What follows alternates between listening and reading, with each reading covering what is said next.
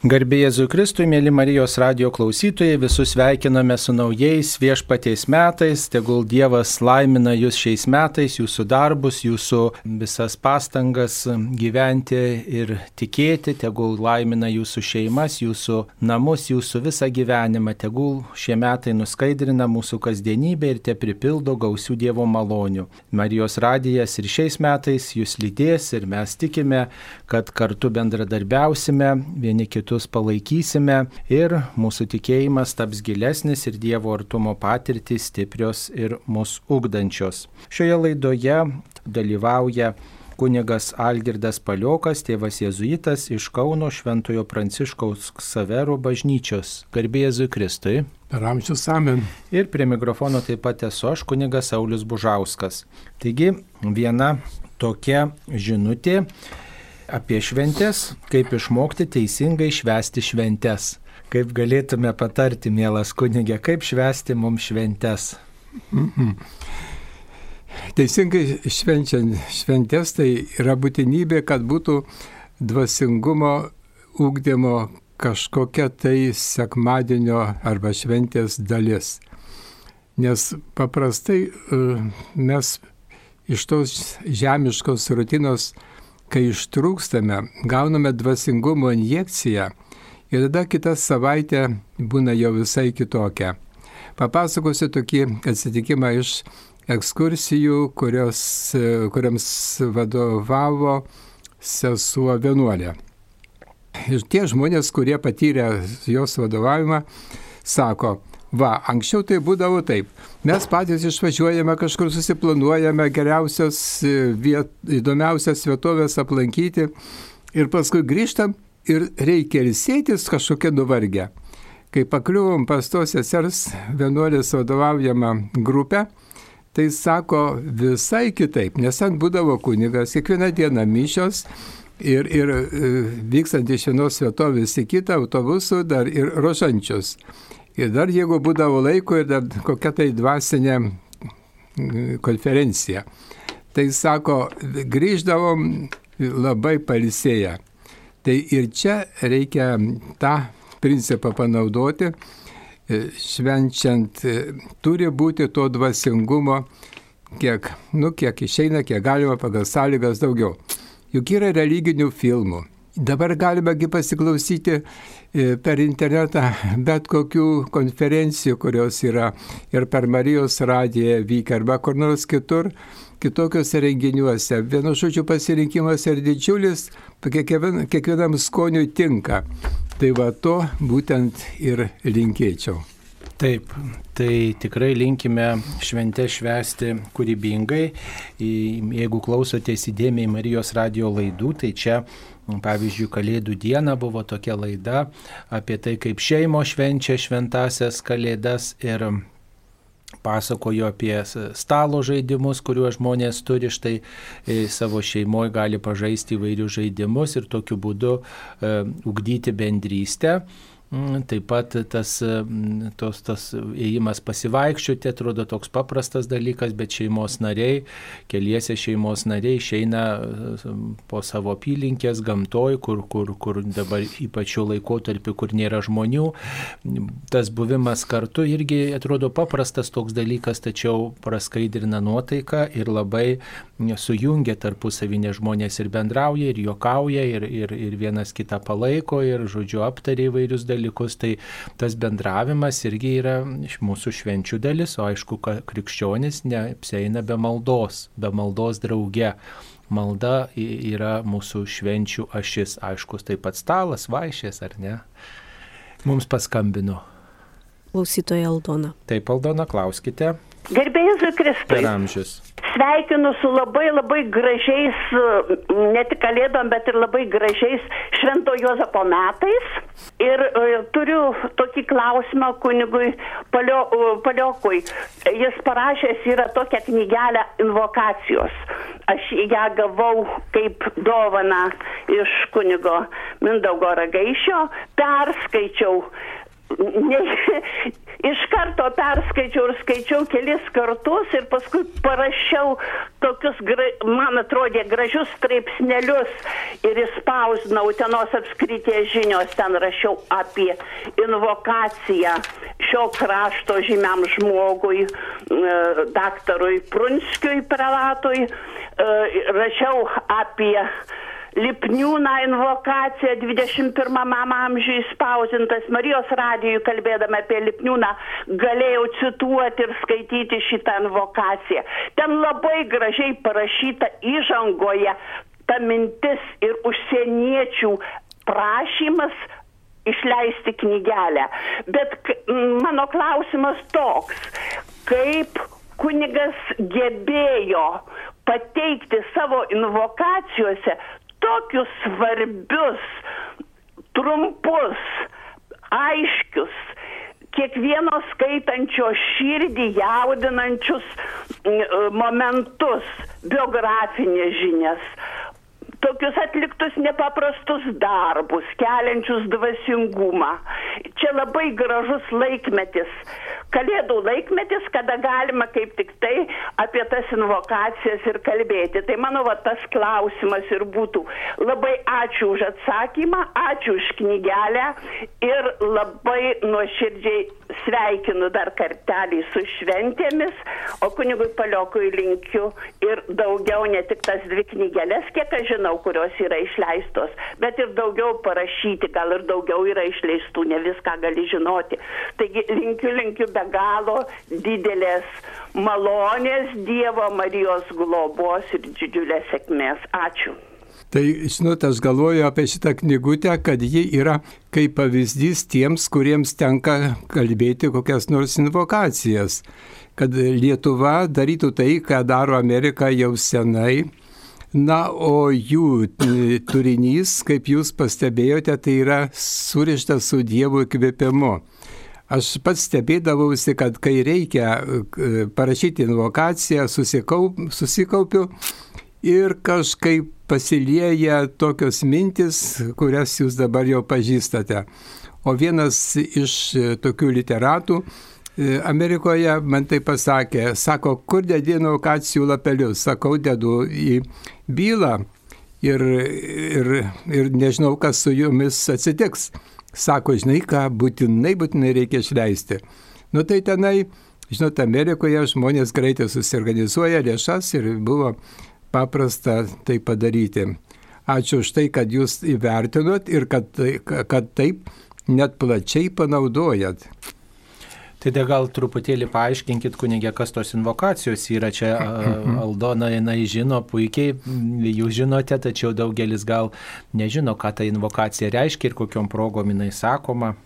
Invokacija tai yra ištestas palaiminimas kokio nors dalyko, veiklos pradžia, e, kokio tai sąjūdžio ir taip įvairiausiamis didelėmis progomis ji yra sakoma.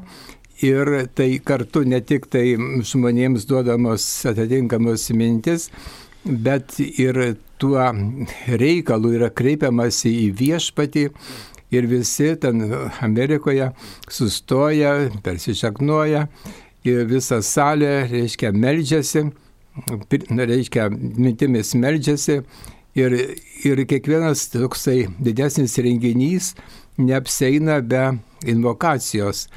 Tai va taip yra įprasta su Dievu bendrauti net ir tokiuose, sakysim, labai jau pasaulietiškose dalykuose kaip renginiai.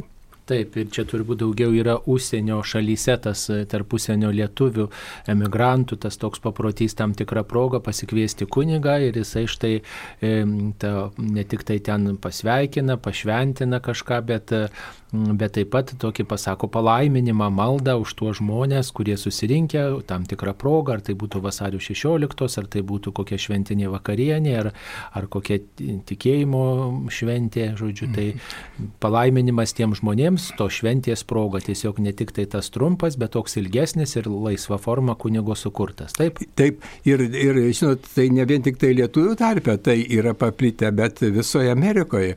Tai yra įprastas dalykas, kad visur dalyvauja kunigas, netgi sakysim, kokios nors varžybos. Ir tai be kunigo neapseina. Žinoma, ten yra ir kitų denominacijų, ne tik tai katalikų. Ir jie yra tarsi susitarę visi, visi palydė tą pasidėjusi dalyką maldą. Na taip, Lietuvoje tas turbūt gana retas. Yra. Lietuvoje tikrai labai retai. Na, va, tai kunigė jums užduotis išpopuliarinti. Ačiū. Taip, mums paskambino. Klausytoja Janė iš Ratničios parapijos. Taip, mėla Janė, jūsų klausome. Jūs... Gerai. Taip, klausome. Garbė Jėzų Kristų. Pirmiausia, noriu Jūs pasveikinti su, su naujaisiais metais ir padėkoti už visas malonės gautas 23 metais. Nu, noriu dabar paklausti, ar galima paimti šventąją komuniją tą pačią dieną, dalyvaujant, nu, ant, dar antrosios mišios antrą kartą? Ir dar vienas klausimas. Nuo kapaviečių imti, nu, sudegusias jų sunaudotas žvakes ir papurvusias gėlės, nu, pavyzdžiui, kai dabar žiema ateina, nu ar aš neturiu teisės, noriu paklausti jūsų nuomonės. Nes liaudis šneka, kad negalima, reikia išmesti, pavasarį reikia, nu kitą kartą reikia naujas pirkti. Tai va šito noriu paklausti. Ir e, didelė padėka mūsų klebonams, Maidar, Medarui e, Čiapui. Medardui Ypač, Čiaponiui, taip. Nu, biški netai pasakiau. Medardui Čiaponiui, taip. Nu, stepu, stepu, Steponui Tunaičiui, jau jis yra garbaus amžiaus pas mus, daug metų tarnavo Šventubrės kaime, atvažiuodavo šventasias mišęs suveikė. Ir visiems kunigams, kurie dirbo ir, ir tarnavo pas mus Šventubrės kaime, daug, daug buvo tų kunigų iš Vilnius, jau Ronaldas buvo Pamiršau, pamiršau pavardės. Vienu žodžiu, visiems dėkojat klebonams, kurie, kunigams, kurie jūsų parapijoje patarnavo. Ačiū Jums.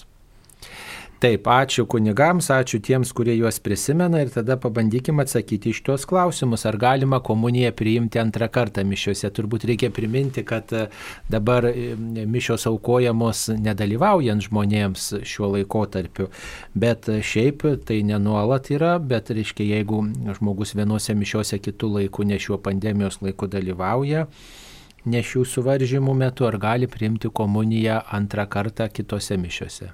Tai viskas šiais laikais jau yra įprastas tas dalykas. Jeigu antrose mišiose dalyvaujama pilnutinai, drąsiai galima priimti komuniją. Čia jau yra viskupų sprendimas.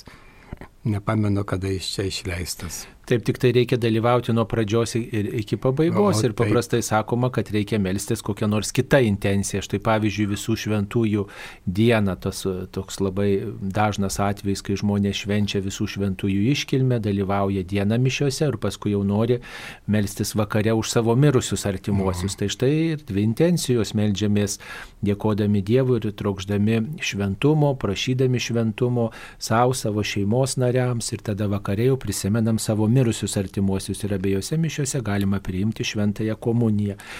Bet, bet tik tai negalima taip padaryti, kai sakysim dabar pandemija yra, eini vienoje bažnyčioje, priimi komuniją ir eini kitą bažnyčią. Šitaip negalima. Taip, šiaip jau net ir kunigui patartina vienas mišes aukoti per dieną.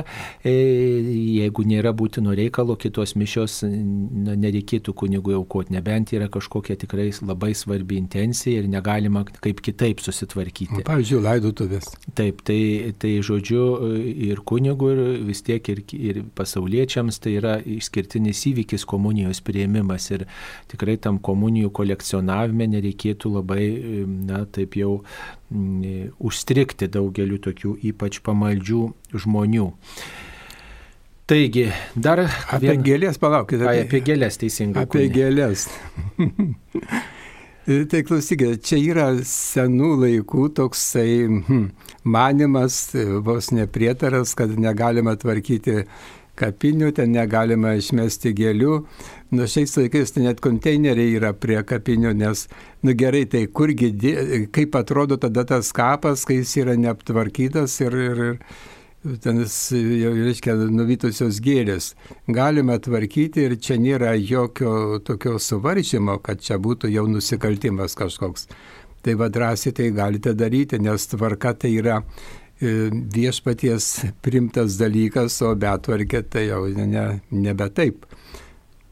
Na, šitas e, paprotys dar susijęs tokių dalykų, netvarkyti kapų, nes e, tiesiog tas ką tik supiltas kapas, jis po kiek laiko tiesiog truputį susmenga. Ir jeigu e, žmogus tiesiog viską sutvarko, ateina po kiek laiko randa nu, tokia vietoj kauburėlio duobelę tokia, nes su, sukrito sujudinto žemės ir, ir tiesiog, nu, vat, nepraktiška, vėl reikia iš naujo tvarkyti, jeigu taip galima įvardinti. Taigi paprastai jau nieko neįskaudinsit ir nepapiktinsit, jeigu palaipsniui tuos kapus tvarkysite. Tiesiog dalį gėlių nuimsit po mėnesio, kitas vėliau truputėlį ten ir panašiai.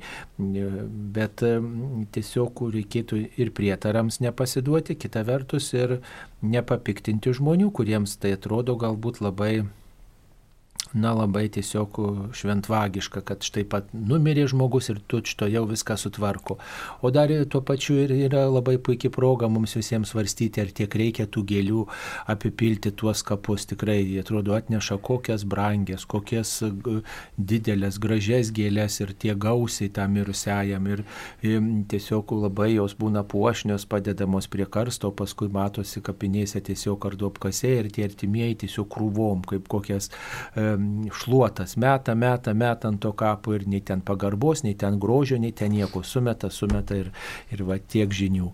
Tai ar verta mums tiek išlaidauti, gal tikrai pagalvokim, į kokią dvasinę pusę galime pakreipti savo išteklius, savo pagarbą, savo, savo dėmesį tam mirusiajam. Gal tikrai geriau atnešti auką artimiesiems, kurie štai sutvarkys kapą, vis tiek yra priimta kažkokį ženklą pastatyti ir, ir galų galia reikia ir toliau gyventi, reikia ir, ir, ir mokesčių sumokėti, ir, ir išlaidų yra per laidotuvės, tai būtų daug praktiškiau, va, daug praktiškiau artimiesiems ir, ir tikrai didelė paguoda tiem žmonėms štai na, patirti, kad kažkas iš jų pažįstamų draugų giminių prisideda prie laidotuvių išlaidų padengimo.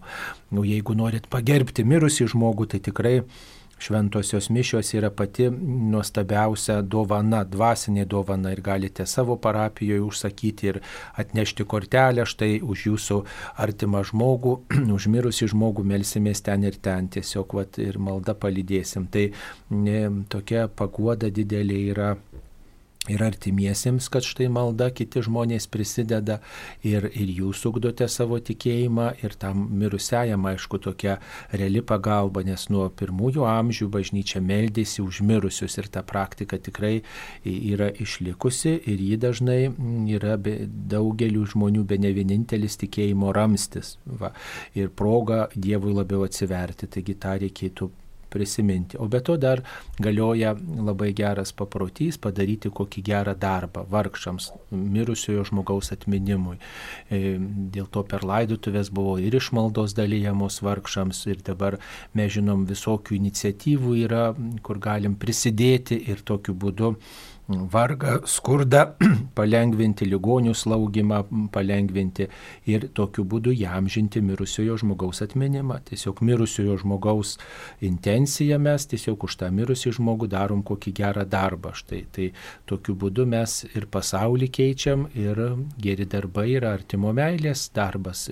Tokiu būdu ir patys artėjam prie Dievo ir ryšį palaikom su mūsų iškeliavusiais artimaisiais. Taip, norėčiau kažkiek suprasti, kas yra ypatinga malonė, kaip šventoji Teresėlė gebėjo atsižadėti ir atsižadėjimas jai buvo saldus meilės vaisius. Aš suprantu, kad atsižadėti yra sunkus, skausminga prigimčiai, o jai tartų malonumas, kaip tai suprasti. Matau, kaip aš toli nuo tokio atsižadėjimo. Štai toks klausimas jums, kunigė. Matot, yra paprasta malonė, kuri teikiama visiems, kurie yra pašvenčiamojoje malonėje, yra įprastinė lydinčioji malonė ir yra ypatinga. Galima būtų pasakyti, kad ta ypatinga malonė tai jau yra grinai Dievo dovana Ir čia žmogus tarsi nenusipelno, nu, nenusipelno, bet jam dovana duodama. Nu, ne visai taip. E, čia pagrindinis dalykas ir tas faktorius, kuris padaro tą atsižadėjimą malonų, kaip teresėliai, yra meilė. Kai žmogus artėja į Dievą, Dievą vis labiau pažintamas, jisai pamato, koks Dievas yra be galo vertas meilės ir dėl jo norisi padaryti viską, ką tik tai galima. Ir tada, nu tai atsižadėti tai galima, tai tavo yra jėgomis tas dalykas padaromas. Ir, ir, ir reiškia, atgailą daryti, ar dar ką nors daugiau, tarnauti ir panašiai tai tada, reiškia, su didelė meilė žmogus veržiasi. Veržiasi į tai ir tada jam yra lengva padaryti, kadangi meilė yra, kaip jūs žinote, didžiausia jėga mūsų žemėje. Ir, ir tik tai mylint padaromi patys didžiausi dalykai žemėje. Tai va, teresėliai tai buvo lengva, nes turėjo tiek daug meilės. Žinoma, meilė mm, iš nieko neatsiranda, jie palaipsniui auga. Žmogui darant vis daugiau mm, tokių atsižadėjimo mm, dalykų ir, ir tada vis stiprėja ir vis lengviau yra padaryti didesnius dalykus, kaip sakoma, dėl Dievo. Ir tai tada neša va šitą džiaugsmą ir tą laimę, kad gali Dievui kažką tai padaryti. Iš tikrųjų, tai žmogus padaro tuos dalykus savo, nes per tai auga meilė ir auga jo tobulumas, nes čia veik, veikiantis asmuo taigi yra Dievas. Žmogus tik tai kažką padaro, o atsakymą, tą visą poveikį duoda Dievas. Nu ir linkiu eiti šituo keliu mažai žingsneliais, o Dievas tikrai padės.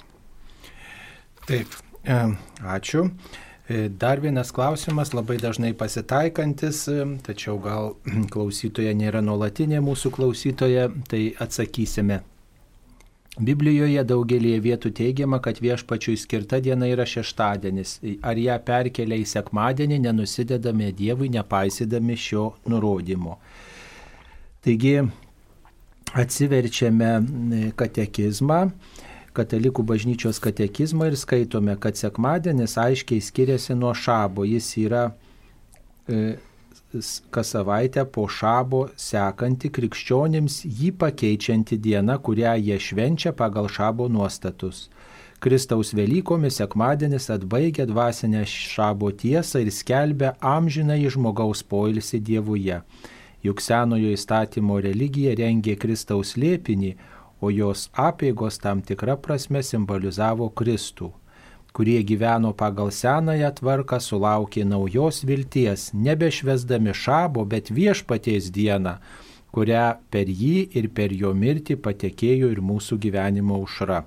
E, tai prašo šventasis Ignotas Antijochietis, kuris ir cituojamas katekizme. Taigi, sekmadienis yra viešpaties prisikėlimo diena atbaigianti šabą, kaip ir e, šioje mintyje buvo išreikšta ir Senasis testamentas ruošia kelią naujajum. Ir Jėzus Kristus yra tas, kuris išpildo visus senojo įstatymo nuostatus ir mes dėl to švenčiam ne šabą, bet sekmadienį.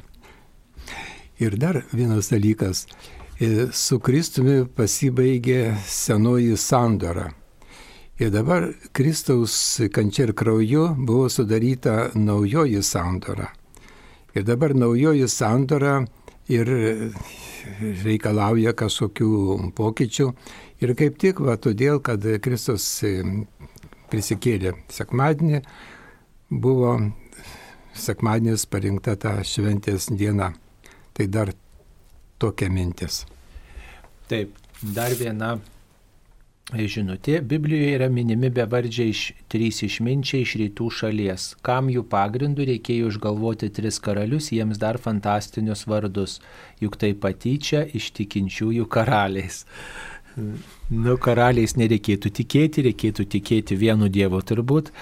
O čia mes turime, rengiame laidą apie tai, kai bus trys karaliai, apie tai bus proga ir kalbėti išsameu. Tiesiog yra speciali laida apie karalius, ar jie ten karaliai buvo ar ne karaliai. Vis dėlto visas švento rašto kontekstas leidžia daryti išvadą, kad kad tai nebuvo tik tai paprasti išminčiai, išmintingi filosofai, bet jie buvo turtingi, įtakingi ir turintys tikrai kažkokią valdžią, bet tradicija norėjo pabrėžti kilnumą e, šitų žmonių ir tiesiog nuo seniausių laikų jie vadinami karaliais, o tai e, mums taip pat yra ir Kristus karalius ir mes visi esame karališko pašaukimo dalininkai, taip kad čia didelio nusižengimo nėra, kunigė nebent ką pridėsite. Tai daugiau nieko nenoriu pridėti. Taip. E, nauji, taip, dar viena žinutė. E, tokia žinutė. E, jeigu amžinybė dangaus būsena, o ne vieta, kaip suprasti Jėzaus pasakymą, einu jums vietos paruošti. Jei... O, da, žinot, apie amžinybės dalykus mums yra sunku suprasti. Ir reiškia, kaip tą vietą paruošti. Ir Jėzus nieko nepaaiškino bet kažkas tai, e, kažkas tai turi vykti.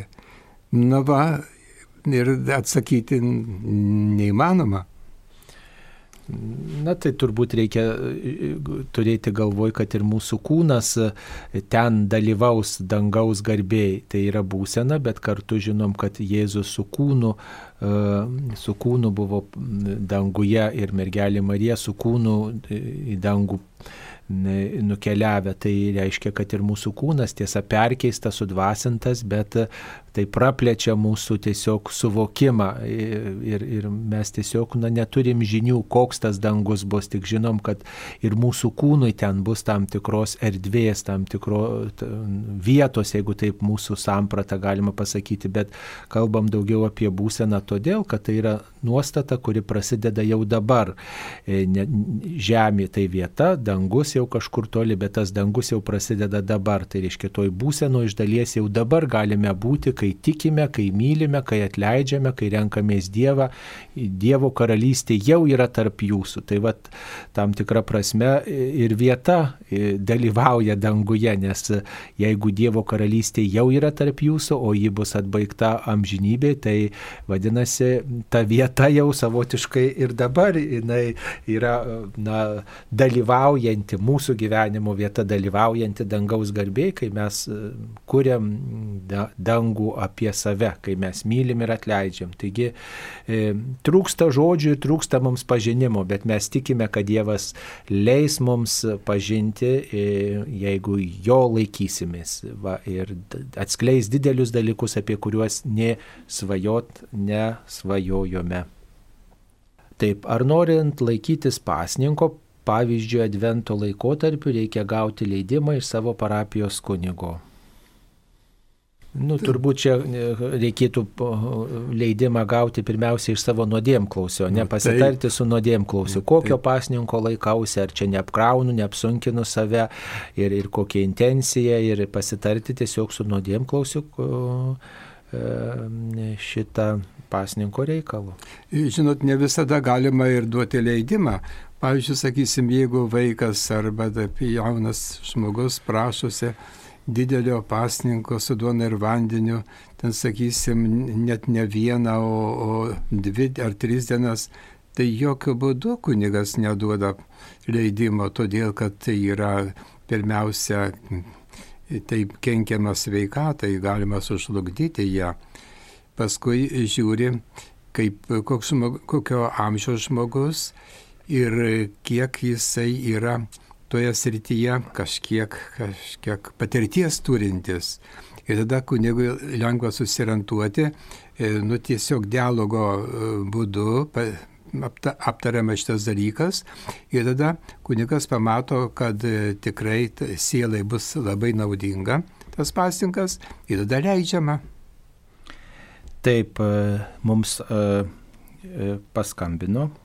Klausytojas Stas iš Kauno. Taip, Stasė, sveikinam su naujais metais. Jūsų klausimas. Ačiū, Ačiū labai, garbėjus Vikris. Per amžius. Sveikinu šitos širdies jums programų direktoriau gerbiamas Sauliau už nuoširdžius bendravimus iš tikrųjų tai jau dievulis pas jūs pasirinkęs vietą, man atrodo, tai galima išvelgti, nes tikrai jau tokiu, tokiu išmanumu, tokiu mums reikalingų perdavimų laidų visokių, tikrai būkite pasveikintas daug Dieve.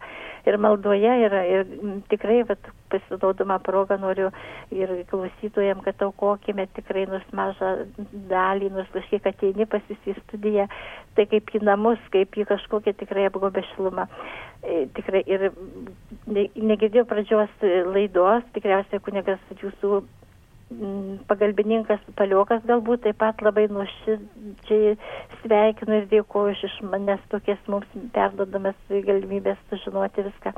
Dabar norėjau toks, toksai klausimas būtų kaip būtų švenčiausios sakramentų ta koplytėlė čia kaune, kaip jos toliau likimas, kaip būtų tokia jau dabar jau taip kažkaip gal, gal tokia nežinomybė. Ir kad kryžiaus kažkas, man tai neturi reikšmės, bet kažkas yra tokia pretenzija, kad kryžiaus nėra, o bažnyčia vis tiek. Ir dar noriu pasinaudodama progą, buvo klausimas, kad nežinau moterys senos, kaip suplyšta maldaknygiais ir kaip įrišti, kur gauti tuos viršelius. Tai aš žinau, ištikinti šeima labai užsijima šituo darbu, labai gražiai natūraliai oda įriša ir nebrangi kaina. Tai pas mane yra telefonas jų, jeigu kas norėtų, tai galiu pasakyti savo telefoną ir kad pasinaudotų, galima įrišti šventas knygas ir išlaikyti senas jas kaip naudojimai. Tai jūs e, pasakysite šitą telefoną mūsų operatoriai užsirašys, o e, jeigu kas norės, tai bu, tikrai kreipkitės, parašy, paskambinkite ir tada, e, taip sakoma, pasakysime. O dėl jūsų klausimo apie švenčiausiojo sakramento bažnyčią, E, studentų bažnyčia, turim pasakyti, kad ji yra re, remontuojama, tiesiog reikia e, daug lėšų, na, kryžiaus tikrai bažnyčiai gal reikėtų, E, koks likimas, sunku pasakyti iš tos bažnyčios, na, kiek teko girdėti e, arkivyskupo tokia vizija, kad tai būtų studentų bažnyčia, kaip ir buvo kadaise, ir kad ten taip pat būtų e, tas dėmesys švenčiausiam sakramentui toks išskirtinis. Ir kaip žinom, ten vyksta nuolatinė švenčiausio sakramento adoracija, tiesa ne pačioj bažnyčios navoj, nes ten yra, žodžiu, na, pakeitimai tokie per visus tuos laikotarpius, tai yra įruošta koplytėlė toje bažnyčioje ir ten vyksta nuolatinė švenčiausio sakramento adoracija, dieną ir naktį vykstanti ir tiesiog tos bažnyčios misija tai paliudijanti, e, skelbti pagarbą švenčiausiam sakramentui. Ir, ir visi gali ten apsilankyti ir pasimelsti Dievo artumoje, tyloje.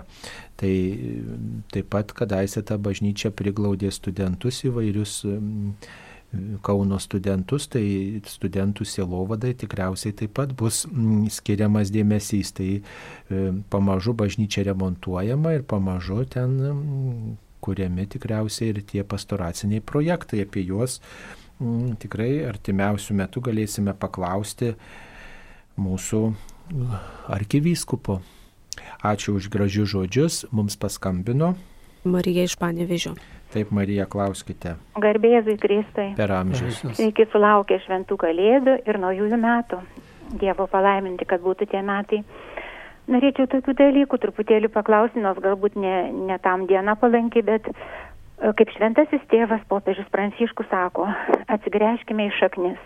Iš tikrųjų, kokios mums yra brangios mūsų gyvenimo, tikėjimo, gimimo ir maldų šaknis, tai senolių, senelių, tėvelių. Norėčiau pirmą kunigo palioko paklausti, ar nereikėtų prieš šventas kalėdas, bent prieš šventas kalėdas, kunigams bažnyčiai, aiškinti daugiau, daugiau apie kalėdas, kad Jėzaus gimimo priminimas. Aš nemokysiu bažnyčios, nemokysiu kunigų. Tam, kad kaip šventasis Pranciškus sakė, jog žmonių vartotojiškumas pavogė iš mūsų kalėdas. Juk tik kalėdos dabar pasaulyje yra dovanų pasikeitimas. Mums sovietmečių vaikams visada sakydavo, kad prieš šventas kalėdas ateis senis šaltis. Kodėl dabar lietu, laisvoji Lietuvoje bijoma bažnyčiai pasakyti, kad tai senis šaltis ateis, bet ne kalėdų senis, juk ne kalėdų senis yra Jėzus. Toliau antras, kunigui Bužauskui. Ar nebūtų galima, nebūtų jums per sunku kiekvieną dieną, kada kalbate maldas apie 9 val. ryto, po jų, kad būtume palaiminti jūsų. Būtų labai ačiū. Antras, kodėl po mąstymo maldų viešpatės kryžiaus kelio nebekalba malda, kurs už mus kaltus kentėjai Jėzau Kristau, Dieve mūsų, būk mums gailestingas, tris kartus. Ir trečias, taip pat 12 val. po viešpatės angelo maldus tris kartus amžinėje atilsi duok mirusiems viešpatė. Dėl to, kad viskupų aprobuotose maldynuose ir mes sena karta labai esame prie to prisirišę. Tai būtų labai nuostabu, nes viskupų aprobuota ir labai ar per sunku kalbėti tris kartus, ar išgyvendinta, pavyzdžiui, po kryžiaus kelių nebekalba Dieve mūsų pasigailėk mūsų. Ačiū Jums labai, ačiū už Jūsų darbą, ačiū už Jūsų tarnystę, būkite sveiki, būkite stiprus ir viltingi. Ačiū su Dievu. Tai pirmiausia apie tą ruošimą žmonių kalėdoms. Matot, mano veikla yra kiek tai kitokia negu parapijos kunigo, nes mes esame pajėgus žmonėms tarnauti iš dvylikos jėzuitų Švento Pranciškaus Savero bažnyčioje tik tai penki. Tai mes keičiamės turime savo dienas, savaitėje turiu vieną dieną. Ir sekmadieniais kartais būna man paskirta, kartais ne. Kai klebonas, tai jisai turi parapiečių savo rankose kiekvieną dieną ir gali juos ruošti ir auklėti, vienu žodžiu, tu, gali turėti savo planus ir pagal juos apaštalauti. Na, o mano padėtis yra visai kitokia ir kartą savaitėje, žinoma, tą linkme kreipia švento rašto skaitiniai, kalbi, bet tai tos visumos, kaip kad jūs norėtumėt ir, ir linkėtumėt, na, niekaip nešeina padaryti. Bet to yra dar ir taip, kad miesto žmonės yra pasirinkę savo dienas, galbūt ir savo kunigą arba pagal savo galimybės, tai ne tie patys, dalis žmonių ne tie patys ateina kas dieną į bažnyčią. Tai vėlgi susidaro tokia problema, kaip čia juos visus e, evangelizuoti, kaip čia visiems šitą gerąją naujieną skelbti. Tai va, tie, tokie dalykai yra realybėje. Nu ir ką galiu, tą darau. Taip, dabar dėl palaiminimo ryte atsakysime taip, kad mes maldas pradedame prie išstatyto švenčiausio sakramento e, ant Marijos radio koplyčios altoriaus ir kai yra išstatytas švenčiausiasis sakramentas, palaiminimas ranka nėra teikiamas. Yra e, tiesiog kalbamos maldos, gėdamos giesmės kitų, kit, kitomis progomis. Mes ryte tik tai maldas įvairias kalbame prie išstatyto švenčiausio sakramento ir e, palaiminimas švenčiausių sakramentų vyksta tik tai po uždarant švenčiausią sakramentą ten esantiems žmonėms. Ir tiesiog, kai yra pagarba, gerbiamas, garbinamas švenčiausiasis sakramentas, tai palaiminimas ranka yra neteikiamas, taip yra tokie liturginiai nuostatai. Dabar dėl maldos, kur už mus kaltus kentėjai, tai šita malda išskirtinai tokia jau yra gavieninė malda, gavėnios praktikose, kaip ir sveikas Jėzaus gimusis yra kalėdinė giesmė, kaip prasokite dangus yra e, advento giesmė, taip ir tas, kur už mus kaltus kentėjai yra per gavėnę gėdama giesmė. Ir tiesiog nėra būtina ją gėdoti ir tas maldas tiesiog visas iškalbėti. Mes tiesiog paimam kryžiaus kelią, o kryžiaus kelią galime imti įvairiais būdais, ne tik tai gavienišką motyvą naudoti, bet galima ir kitais būdais apeiti, apmastyti, tai tuos būdus ir panaudojame, kad būtų kuo įvairesnė ta pamaldumų galimybė. Va, ir pasigailėk mūsų žodžiai kryžiaus keli vis dėlto tariami, galbūt ne, ne, ne visuose variantuose, bet ta, tas motyvas, tos maldos motyvas pasigailėk mūsų yra, išlieka. Ne, ne tuo pilnuoju variantu, tokiu išplėstiniu, kuris per gavėnę yra gėd, gėdamas, kalbamas, bet kreipinys pasigailėk mūsų, tai išlieka. O dėl viešpaties angelo, tai e, taip maldaknygėse ta tokia amžinai atilsi malda arba malda užmirusius yra taip kalbama tris kartus ją kalbama, tačiau kai kalbame viešpaties angelo maldą, nėra tris kartus kalbama e, amžinai atilsi, nes e, atkreipkite dėmesį ir popiežius nekalba tris kartus. Mes bandykim tą maldą viešpaties angelo maldą nesusijęti tik tai su malda užmirusius. Tai yra malda, kurioje apmastome įsikūnymą, dėkinga širdim apmastom, kad Marija e, pritarė Dievo valiai, priima viešpaties kreipimąsi į ją ir, ir jinai tampa viešpaties motina ir tai yra mūsų išgelbėjimo e, pradžia, yra išganimo šioje žemėje pradžia tai nėra tik tai malda užmirusius, ir labai reikia gerai įsidėmėti, tik tai mūsų krašte Lietuvoje ji e, šita malda siejama su malda užmirusius, o visame pasaulyje tai yra tiesiog viešpaties valios prieimimo apmąstymas, įsikūnymo paslapties apmąstymas, kuris štai per dieną kelis kartus prisimenamas. Ir Tik tai taip pat ne tik tai mes melžiamės už save, mastome, bet kartu melžiamės tokiu būdu, kad ir mirusius tas įsikūnymas paliestų, būtų išganingas jiems. Tai čia atskira istorija, kodėl Lietuvoje tai susijęta su mirusiais, tai mes tikrai esam ir kalbėję savo laidose ir dar ateitį gal atskirą laidą parengsim apie tai, kodėl tai siejama tik su mirusiais e, Lietuvoje ne taip jau senai kažkaip Lietuva prisitaikė prie pasaulinio e, kalbėjimo būdo. Iki šiol būdavo trys amžinatelsi ir, ir viskas.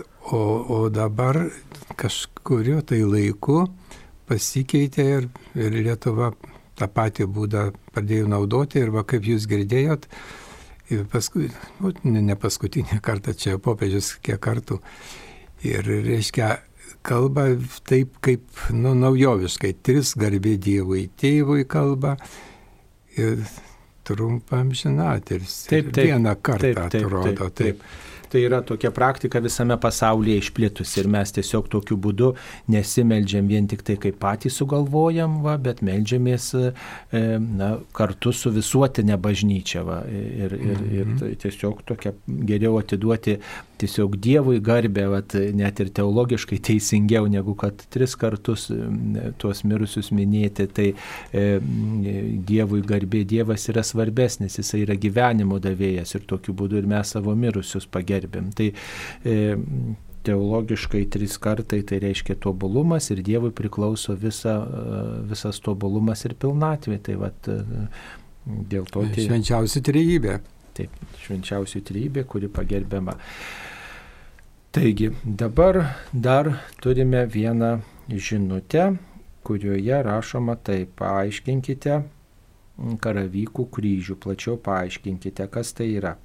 Taip, karavykų kryžius. Mes turėjom laidų apie tai, e, klausykitės Marijos radijo įdėmiai tikrai rasite.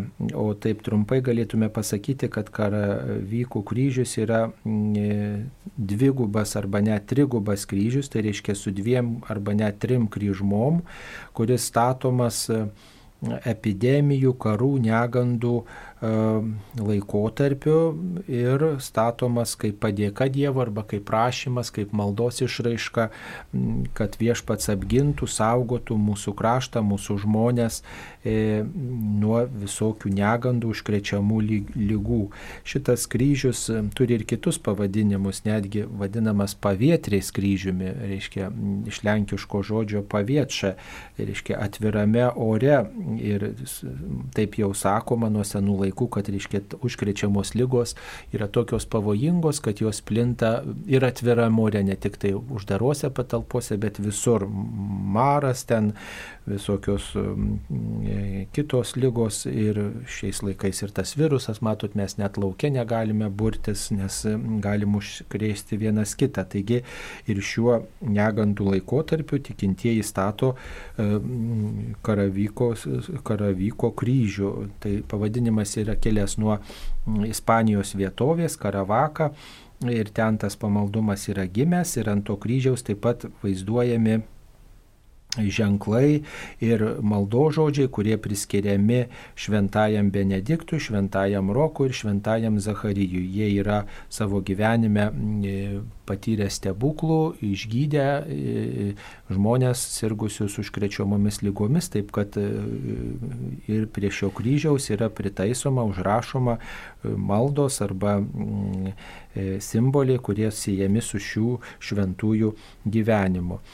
Įdomu dar yra ir tai, kad e, tie kryžiai, e, jie statomi ir prie sodybų, ir prie įvairiausių kryžkelių. E, ir dar šitas kryžius vadinamas vyrų kryžiumi ir puošiamas puošiamas dar ir na, tų stiprių vyrų statulėliomis ir ypatingai e, Žemaitijoje būdavo dažnas tas kryžius. Ir dar Lietuvoje netgi siejamas su karais taip pat, reiškia tas e, karavykas, tai karas ir vykti. Tai e, labai žmonės e, tą kryžių mėgdavo pastatyti, kai grįždavo iš karo, pavyzdžiui, kai vyrai grįždavo iš karo va, ir, ir kai padėka Dievui, kad štai pavyko vyrui išsigelbėti iš visų negandų. Tai tokia trumpa istorija. Tarp kitko, per šiuos šiluvos atlaidus, nu tai dabar reikia sakyti, pernai metais buvo pastatytas karavy vyko kryžius Šiluvoje prie, prie kryškelės ir e, to kryžiaus autorius Adolfas Teresius. Ir tikrai teko dalyvauti tuose iškilmėse, labai miela ir mes apie tai taip pat buvom parengę laidą Marijos radijoje. Taigi, dabar dar vienas klausimas. Ar yra žinoma, kodėl švenčiausioji mergelė Marija nebuvo paskutinėje vakarienėje? Nežinome turbūt. Ne, nežinom. Matot, apie tai nepaminėta. Ta, ten anais laikais, žinokite, buvo vyrų valdžia, vyrų religija ir moteris būdavo išganoma, išgelbstima dėka vyro. Tai vad vyrai sinagogoje, o moteris užtvertos truputį ne kartu su vyrais. Tai vad tokia buvo mada ir čia nieko nepadarysi. Nu, tiesiog šventas raštas apie tai nieko nesako, mes e, tiesiog negalim spekuliuoti, galbūt ir buvo, tik tai nebuvo tas e, tikslas atkreipti dėmesį, kad ir Marija dalyvavo, bet svarbu buvo, ką Jėzus daro paskutinės vakarienės metu, tai svarbiausia buvo ir į tai atkreipiame dėmesį. E, bet tai nereiškia, kad dabar negali dalyvauti moteris pas vakarienėje. Tai, tai negalim daryti tokių spekuliatyvių išvadų. Taip, dabar kur dingo šventas kunigas Marius Talutis, kur kalbėdavo per radiją, mes jau pasigendam. Labai malonu, kad jūs pasigendate kunigo Mariaus Talučio, e, linkėjimai kunigui Mariui. Na, matot, jam dabar labai keblu atvažiuoti, nes jis yra kelių parapijų klebonas Kernavės ir mm, dar dabar neprisimenu kokios parapijos mm, klebonas. Ir Tiesiog reikia jam reziduoti parapijoje ir jam labai keblu atvažiuoti, kadangi yra ir toli e, ir, ir, ir tiesiog žmogus nori būti visada pasiekiamas savo parapiečių. Bet tikrai mes jo nepamiršome ir e, kai pasikeis aplinkybės, kai bus galima mums visiems daugiau judėti, tikrai pažadam, kad kuniga Marių jums pakviesime. Taigi, dar viena žinutė, tėvas po skirybų persikrikštėjo kabutėse, ėmė neikti popiežiaus kunigo autoritetą, neigia maldas užmirusius, išpažinti ir taip toliau. Anita, ezoterikos ir saibabos gerbėja sekėja, abu krikštyti, kasdien meldžiu jiems atsivertimo, bet jei e, jie mirtų, ar galėsiu prašyti laidoti dalyvaujant kunigui. Taip, toks klausimas. Nu, pirmiausia, jeigu taip griežtai įmant, tai e, tas žmogus, kuriam teikiamas ligonių sakramentas, turi patsai norėti, nes čia per prievartą tai negalima nei pakrikštyti, nei, nei šitą sakramentą suteikti. Na, o atėjus tai paskutiniai valandai, labai dažnai Dievas duoda malonę suprasti, kur žmogus ėjo, kad jis klaidingą tikslą buvo pasirinkęs ir tada sugrįžta. Bet e, kažką tai padaryti žodžiu, tai nelabai yra vilties, tačiau melstis tai jau reikia.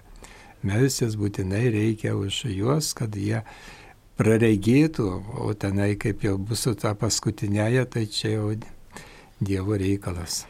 Na, pasitikėkime, kad gal paskutiniu metu žmogus vis dėlto neneiks bažnyčios ir jos misijos.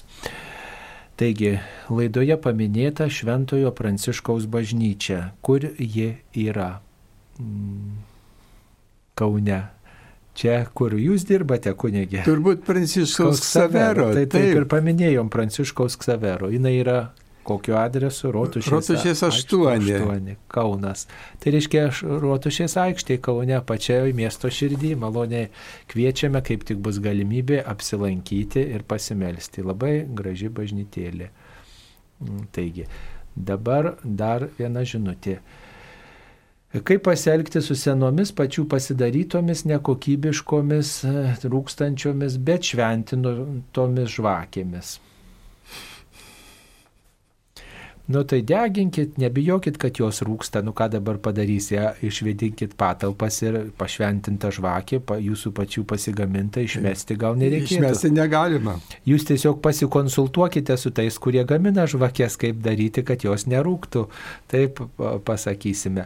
O kitas dalykas, galima deginti laukia. Žinau, dabar visokių kūrybingų būdų yra ir prisiminkit, kad anksčiaugi daugybę e, metų nebuvo dabar tų tokių išplitusių liktorėlių, tų žibintų, kurie kapinėse deginami, bet visi degindavom žvakės, šventintas žvakės kapinėse ir būdavo tikrai žmonės ir priedangą sugalvodavo, ir, ir įvairius ir indus, ir ten ir, ir stiklais apdėdavo, ir specialius rėmelius, žinau, mano tėvas buvo padaręs specialų tokį rėmą su stiklais, kur tikrai galima buvo deginti žvakės ir net ir lietų įlyjant uždegdavom ir, ir puikiausiai degdavo ir vėjai pūsdavo ir ne neužpūsdavo. Tai e, tiesiog uždėkit kapinėse, pagalvokit ir labai pašventinta žvakė labai gražu, jeigu sugalvosit, kaip apsaugoti nuo vėjų, nuo, nuo lietaus ir puikiausiai jums patarnaus ir bus kaip malda.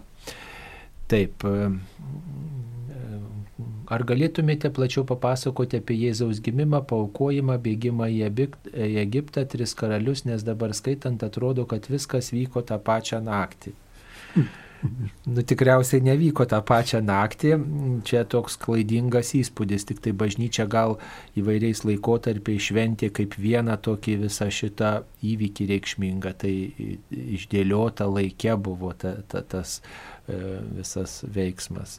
Nu, plačiau gal nelabai yra čia galimybių pasakoti. E, nepamirškit, kad šventasis raštas yra kaip santraukų santrauka. Taigi viskas suvesta į tai, kas svarbiausia, svarbiausi momentai pažymėti ir kaip santraukui sudėta vienas po kito, atrodo, kad čia vyko viskas beveik tuo, tuo metu, tą, tą mėnesį. Tik tai bažnyčia turbūt skirtingais laikotarpiais e, akcentus gal dėliodavo ir švesdavo kaip, kaip vieną įvykį tokį reikšmingą, ar ne? Pavyzdžiui, Kristaus apsireiškimo e, trijų karalių iškilmė, reiškia, mes minime net ir kitas šventės dar ir, ir, ir vandens pavertimą vynu ir, ir iškia, Kristaus dievystė apsireiškia. Tiesiog teologiškai įvardinama būdavo, kad vat, suspindi Kristaus dievystė, Kristaus galybė va, įvairiuose, įvairiuose įvykiuose įvykiuose. Na va, tai yra skirtingi įvykiai, laikiai išdėlioti, vykę skirtingų laikų ir, ir net ir šventam rašte galime pamatyti, kad štai pavyzdžiui, kaip į Egiptą pabėgo šventoji šeiminėlė, tai po kiek laiko, net ir šventam rašte parašyta, kad karaliui Erodui mirus galėjo grįžti, nes jau irgi patyrė ant, ant gamtinių būdų, patyrė Juozapas, kad jau nėra pavojaus ir nėra to, kuris tyko kūdikio gyvybės, jau galite grįžti. Tai tas nevyko per vieną naktį. Taigi, taip, toliau mm, bandykime atsakyti mm, į jūsų atsiustus klausimus. Na, čia apie replika apie žmonių deginimą. Atėjo mada deginti žmogų, bet tėvelis nešaukė pelenais ir mamytė negimdė pelenais, yra būdas aprengti taip, kad apsaugotų nuo bakterijos. Na, aišku, yra bažnyčia pasisako už šitą būdą laidoti žmogų su su kūnu jo nedeginant, tai yra krikščioniškas laidojimo paprotys, o tas deginimas tai seniau būdavo laikomas tokiu pagonišku laidojimo papročiu, bet e, na, keičiantis žmonių papročiam, ieškant visiems patogumo ir taip toliau, atsižvelgiant į daugybę interesų įvairiausių grupuočių, įvairiausių E, sąlygų pradėta žmonės deginti. E, na, jeigu tai e, nedaroma su noru paneigti žmogaus iš numirusių prisikėlimą, bažnyčia leidžia tą daryti ir yra numatytos net ir maldos kremacijos atveju, tačiau visada yra teikiama pirmenybė ir pasisakoma už tą laidojimą žmogaus jo nedeginant, bet laidojimą su karstu. Taigi tokia, apie tai jau daugybę kartų esame kalbėję, gal ilgiau nestaptelsime. Kaip patikti Dievui ir ką daryti? Štai toks klausimas, kaip patikti Dievui mums, kaip Dievui atsiliepti, kad nenuliūdintume Dievo, neužrūstintume, bet Dievui savo gyvenimo patiktume. Pirmiausia, pagalvokite apie tai, o kaip tu žmogui, jeigu nori patikti, tai ką darai, kaip su juo bendrauji, kiek dėl jo, kiek jam padedi, kiek dėl jo aukojasi ir panašiai. Čia, reiškia, tie mūsų žmogiški santykiai mums yra pavyzdys, kaip reikia bendrauti su Dievu. Ir kaip jūs žinote, šventam rašte aukščiausiame lygyje yra artimo meilė. Artimui tarnauji, tai, tai tarnauji pačiam Jėzui. Tai pagal šitai jums bus e, nuoroda, kaipgi patikti Dievui. Taip, dabar padarysime pertrauką ir jos metu pasiklausysime Kauno Petrašiūnų jaunimo atliekamos gesmės Globok mane Dievė. viešpatį,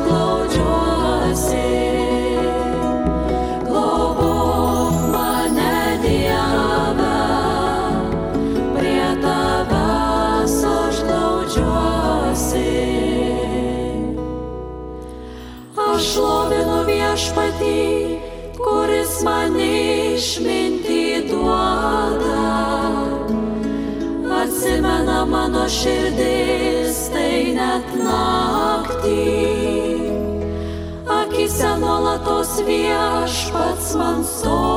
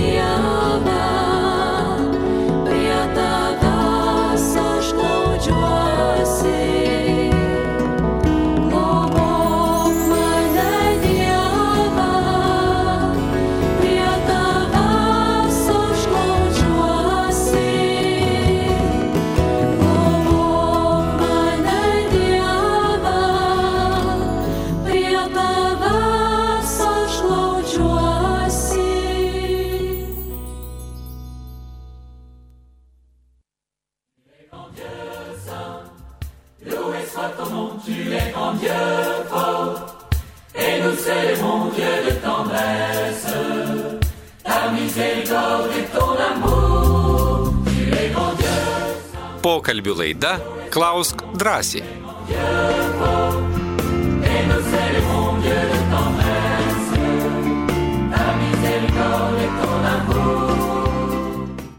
Mėly Marijos radio klausytojai, po pertraukėlės, gurkšteliai arbatos, vėl esame kartu su jumis laidoje. Šioje laidoje dalyvauja kunigas jėzuitas Algirdas Paliokas iš Kauno Pranciškaus Ksavero bažnyčios ir taip pat esu prie mikrofono aš, kunigas Saulis Bužauskas. Čia viena klausytoja, kuri uždavė mums visą ploštelį klausimų apie senį šaltį dar praleidome ir jis siūlo nevadinti kalėdų seneliu šito personažo, kuris neša dovanas.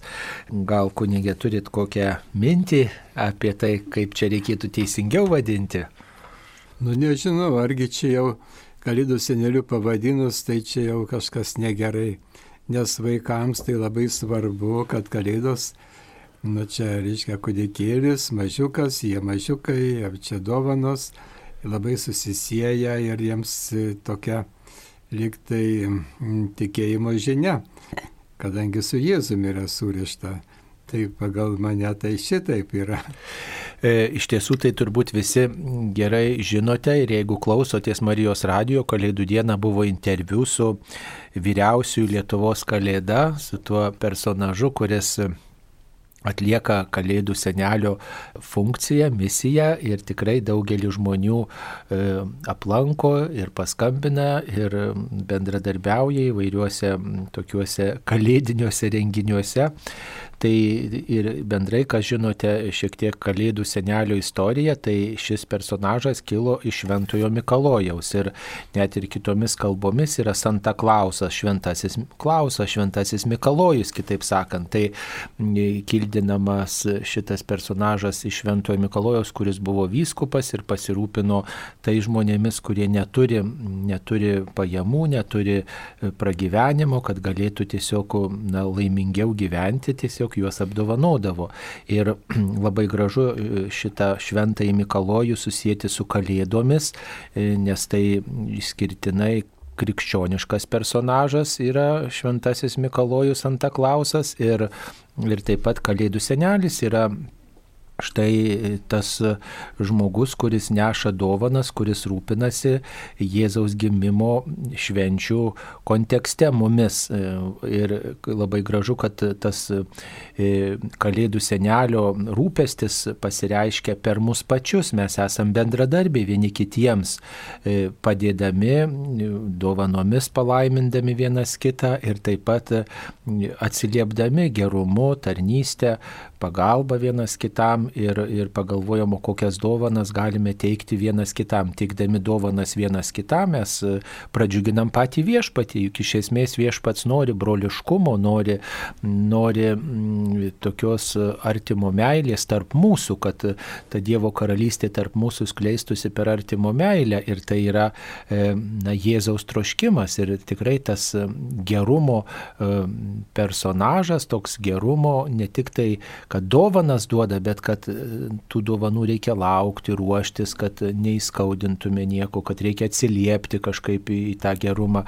Tai, tai Būti esmės, vertam dovanų. Taip, pasiruošti toms dovanoms. Tai, tai čia ir yra ta tokia nuostata, turbūt krikščioniška nuostata, kad dovanas reikia atvira širdim priimti, jomis džiaugtis ir pagalvoti, o kaip aš galiu kitus nudžiuginti savo dovanom, kaip aš galiu prisidėti, kad tų dovanų būtų daugiau kitiems kitiems žmonėms, kad pradžiuginčiau kitus, tai čia ta kalėdų dvasios nuotaika. Ir, ir tikrai su seneliu šalčiu sėti, tai čia tikrai yra tokia ateistinė misija, neigianti vat, kalėdų dvasę, neigianti šventumo dvasę, neigianti bendrystės dvasę, vat, ta nuostata. Ir tas senis šaltis sugalvotas todėl, kad būtų kaip tik tai išdildyta kalėdų dvasios nuotaika. Tai su krikščioniška mintim vis dėlto kalėdų senelis ir neveltui jo rūbai yra raudoni, nes vyskupo rūbai yra raudoni, neveltui jis turi lasdą, nes vyskupas turi lasdą, neveltui kalėdų senelis turi didelę kepurę, nes vyskupas turi didelę kepurę, per apėgas visi tą matome. Tai, tai labai akivaizdus yra ženklai, akivaizdi nuoroda. Senelis šaltis su barzda ne dėl to, kad senas, nes vyskupai barzdas nešiodavo nais laikais ir tai va, tokia tradicija būdavo, tai ne tik tai, kad senas, bet dėl to, kad vyskupas yra paštalų įpėdinis, o apaštalai vaizduojami su barzdomis ir taip toliau. Tai, Tai čia daug yra krikščioniškų gyjų ir nereikėtų jų išmesti, tiesiog pasigilinti į istoriją. Taip, tai dar viena tokia žinutė. E, ar parapiečiai melzdamiesi už kleboną gali paprašyti, kad ir šventos mišios būtų už jį aukojamos, ar kunigas pats už save gali aukoti šventasias mišes? Aišku, mūsų malda tai dar, žinot, nėra tokia jau, e, to, tokia jau stipriausia priemonė. Mišios, kaip jūs žinot, yra maldų malda, nes tai yra Kristaus auka.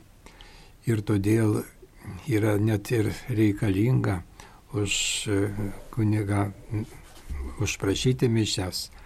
O aukoti mišes už save kunigas gali, čia nėra jokio skirtumo už ką aukoti. Taip kad labai gerai, kad jūs savo meilę ir rūpestį kunigu išreiškite maldą ir dar norite mišiauką tai padaryti. Taip, mums paskambino klausytoja Eugenija iš Jurbarko. Taip, Eugenija, klauskite, jūs eterį. Aš norėjau pasiteirauti garbėzų Kristui per amžius metais. Ir jūs taip pat. Marijos radija, mano draugė, aš visą laiką ją klausau. Taip, klauskite. Ir norėjau paklausti, aš nuo 2000 metų kalbu adoraciją prieš pirmąjį penktadienį ir naktį. Ir dabar nežinau, labai daug išmėlė iš tos, iš tos laidos žmonių. Nežinau, ar skaitusi ta malda, ar jinai sugriuvo. Taip, patikslinkite, kokia jūsų malda yra. 11 val. ketvirtadienio naktį mano. Taip. Meldžiatės tam tikromis maldomis. Na tai jeigu esate. 11 iki 12 mano. Taip, ir, ir kokia malda ten būtų maždaug, galit nupasakoti švenčiausiai sakramentą. Aha. Taip ir ko prašote ir kam esate įsipareigojus tą maldą? Nu, pasi, pasižadėjau kalbėti, kol galėsiu, bet jau dabar man 80 metų bus.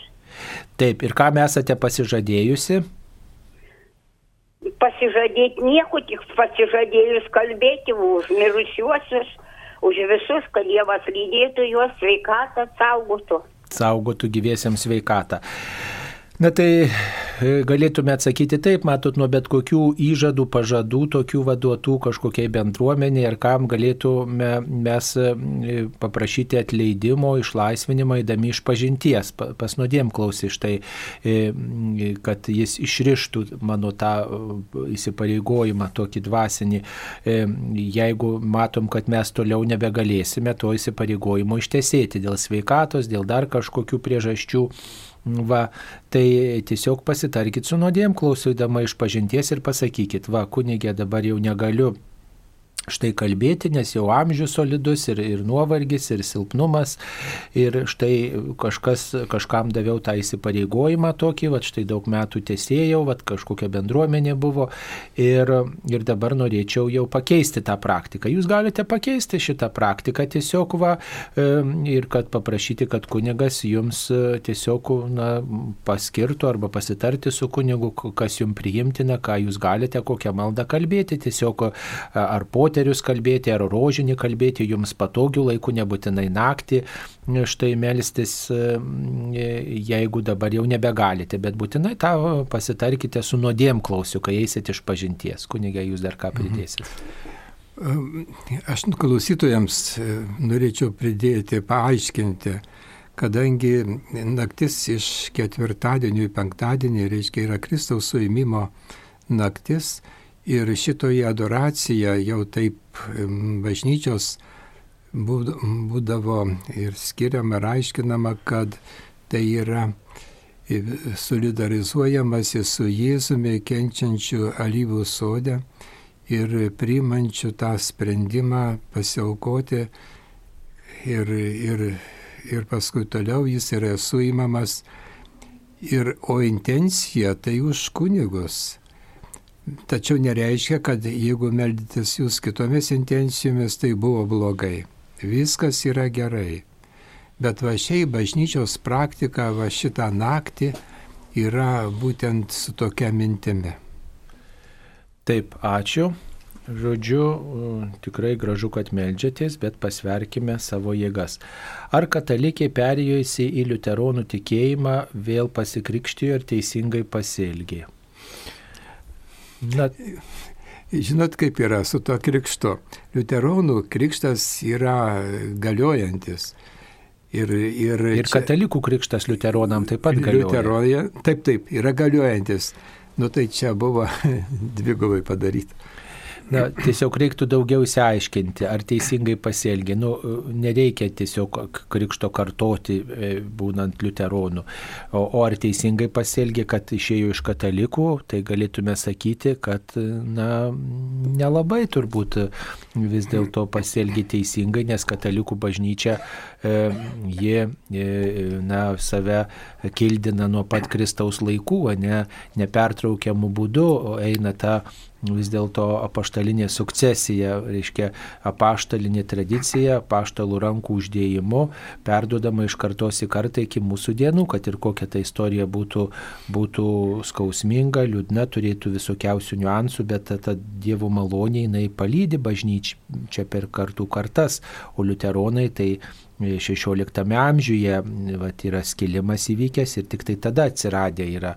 Tai, na, žmogus ieško, kur geriau, kur linksmiau, kur, kur dar kažkas, tai, tai yra jo kelias, bet pasakyti, kad tai teisinga, mes negalėtume, nors kita vertus, dabar mes į ekumenizmą visi žvelgiame į tą krikščionių vienybę, ieškome, kas yra bendra tarp visų krikščionių ir, ir melžiamės už tai ir bandom ieškoti tų tų gyjų. Tai e, aišku, norime vienybės, bet ten, kur esi tokioje tradicijoje, reikėtų tą tradiciją pažinti ir, ir, ir jos nekeisti. Bet čia yra didžiulė pagoda, kad nei kokį kitą tikėjimą, kuris na, tą krikščionybę visiškai iškreipia. Liuteronai yra mūsų broliai ir mes su jais tikrai komunizmo keliu einame, bet yra tokių, kurie save sieja su Kristum, bet nėra krikščionys tokių bendruomenių. Tai, tai čia yra, ačiū Dievui, kad na, yra netoli katalikų, šalia katalikų bendruomenės toks pasirinkimas, bet melskitės už tą katalikę, kuri ten perėjo ir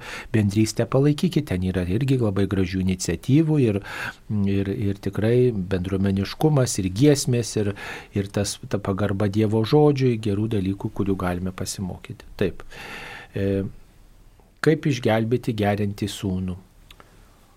Labai sunkus klausimas. O, jo, jo, jo. Nuolat melskitės ir nepaliaukite. Taip, čia yra tiesiog viso gyvenimo, galima būtų pasakyti, auka turėtų būti, nes čia nėra toks dalykas paprastas ir lengvas.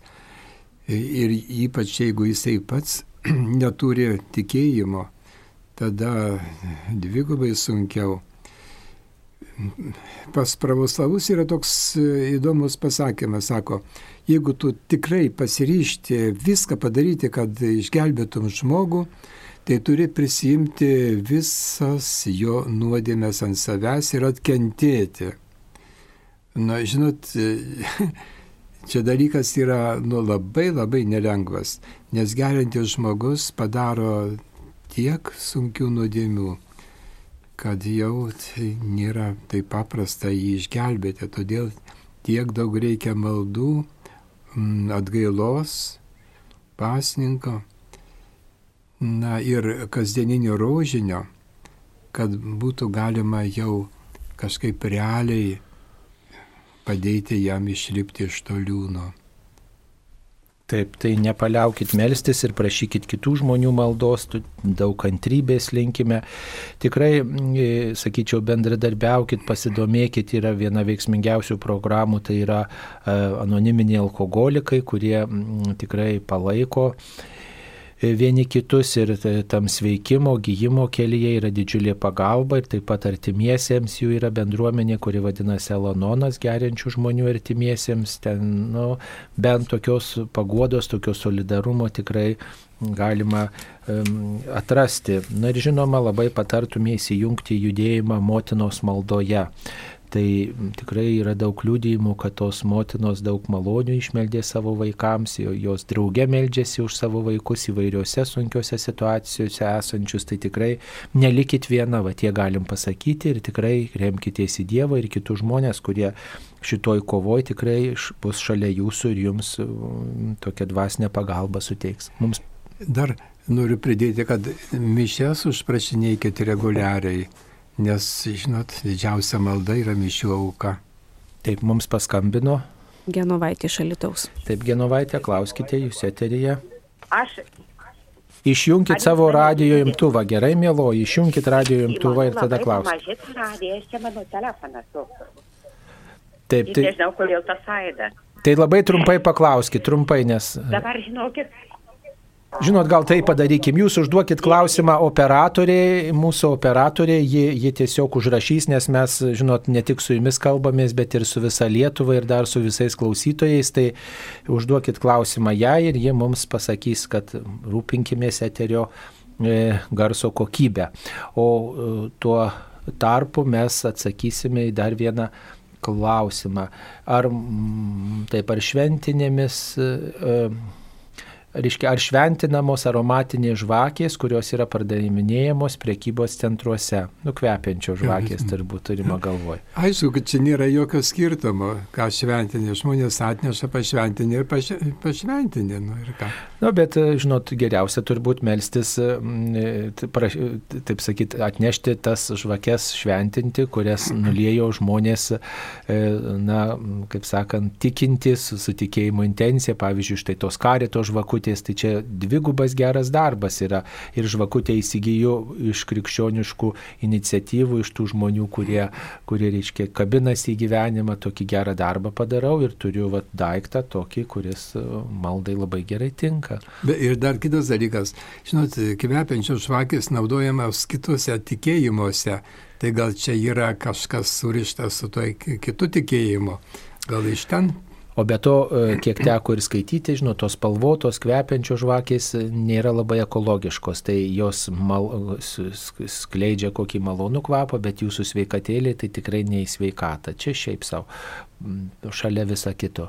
Taip, mums dar nepaskambino tai mes dar prie kitų žinučių einame. Ar mastome apie moterų diekonystę?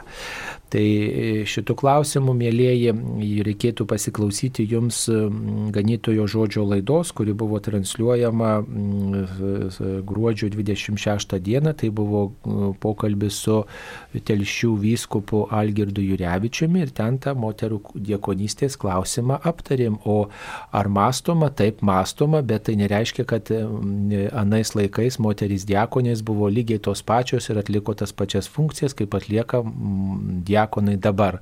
Tiesiog tam tikri skirtumai yra ir, ir tai nereiškia, kad viens prie vieno, mot, jeigu paminėta moteris diakonė šventam rašte, tai kad jos turėtų ir dabar būti ir atlikti tas pačias funkcijas, kaip atlieka diakonai dabar. Tai čia yra nu, platesnio tokio aptarimo reikalaujantis klausimas, bet apie tai yra toj laidoj, kurią galima atrasti mūsų archyvuose. Klausykitės Marijos radijo. Ką reiškia trys raidės žymimos per karalių šventę ant durų K, M ir B turbūt taip. Tai čia yra šitų išminčių arba karalių vardai, pirmusios raidės. Kasparas Merkelis ir Baltazaras. Arba galima, galima pasakyti, kad e, iššifruoti kit, kitaip, Kristus myli bažnyčią, lietuviškai vat, toks sakinukas, e, aišku, lotiniškai taip pat, kad Kristus laimina būstą, namą, galima iššifruoti tas raidės, tai žodžiu tokia bažnytinė tradicija. Taip, e, jau mūsų operatoriai Inga iššifravo klausimą, kurį uždavė klausytoje. Laukia Genovaitė iš Alitaus klausė apie adoraciją. Meldėmės grupelėje švenčiausio sakramento adoracijoje, bet grupelės nariai išmirė. Ar melstis toliau? Ir ar ta adoracija naudinga, reikalinga melstis už atsivertimą? Nu, aišku, kad reikalinga ir melstis, nu, malda tai visada niekur nepražūva ir reikalinga. Kiek tik tai galit, kokios galimybės tik tai yra, jūs tai darykit ir toliau. Na, čia tas klausimas susijęs su tuo, kurį atsakėme šiek tiek anksčiau apie, apie tai, kad jeigu nariai išmirė ir nebe, nebežinom, ką daryti, esame įsipareigoję, tai pasikalbėkit su savo nuodėmklausiu ir galbūt kitą maldos būdą, kitą maldos formą pasirinksite ir gal tą adoracijos maldą pasirinksite kitaip. Taip, gavom kalendorių, kuris yra baptistų, ar galima naudotis, o ten rašoma e, citata iš Jeremijo knygos 17 e, skyriaus 5 e, eilutė. O ta penkta eilutė skamba taip. Viešpats taip kalbėjo, prakeiktas žmogus, kuris žmonėmis pasitik ir ieško stiprybės trapiame žmoguje, kai jo širdis nuo viešpaties nusigrėžia ir jie rašo, ar šventieji ir Marija gali išvaduoti iš nuodėmių. Na tai šita eilutė pasitelkta turbūt tam tų žmonių, kad jie paneigtų arba nuvertintų šventųjų ir mergelės Marijos mm, kultą, ne, turbūt taip galėtume suprasti. Tai, e, na, sakyčiau, kad neteisingai traktuojama šita ištrauka tame kalendoriuje nuo mūsų katalikų požiūrių, nes visų pirma, šita ištrauka kalba apie tai, kad judo karalystė, mm, judo karalystė, judo karaliai ir, ir visi žmonės dėjo viltis į, į į tą žmogišką jėgą, nei patį viešpatį ir dėl to patyrė daug pralaimėjimo. Visgi jeigu mes gyvenam ir mūsų tikėjime, mūsų gyvenimo kelionė yra brangus, svarbus, šventieji ir mergelė Marija, tai nereiškia, kad mes jais pasikliaujam, bet mes pasikliaujam kartu su tais žmonėmis Dievu. Jie mums yra pavyzdžiai, kaip reikia Dievu pasikliauti. Nei Marija, nei šventieji, jokių būdų, mėly klausytojai, neužstoja Dievo, jokių būdų. Jūs pažiūrėkite į Marijos paveikslus, į Marijos atvaizdus, į Marijos skulptūras. Visur yra tam tikra nuoroda į Dievą. Ar kūdikėlį laiko, ar šventą raštą laiko, ar Marija su rožiniu, ar Marija rankas maldai sudėjus. Tas pats ir šventieji, jie visi yra kaip kelio ženklai mums į Dievą. Jie visi yra paraginimas, priminimas žmogau, pasitikėk Dievu.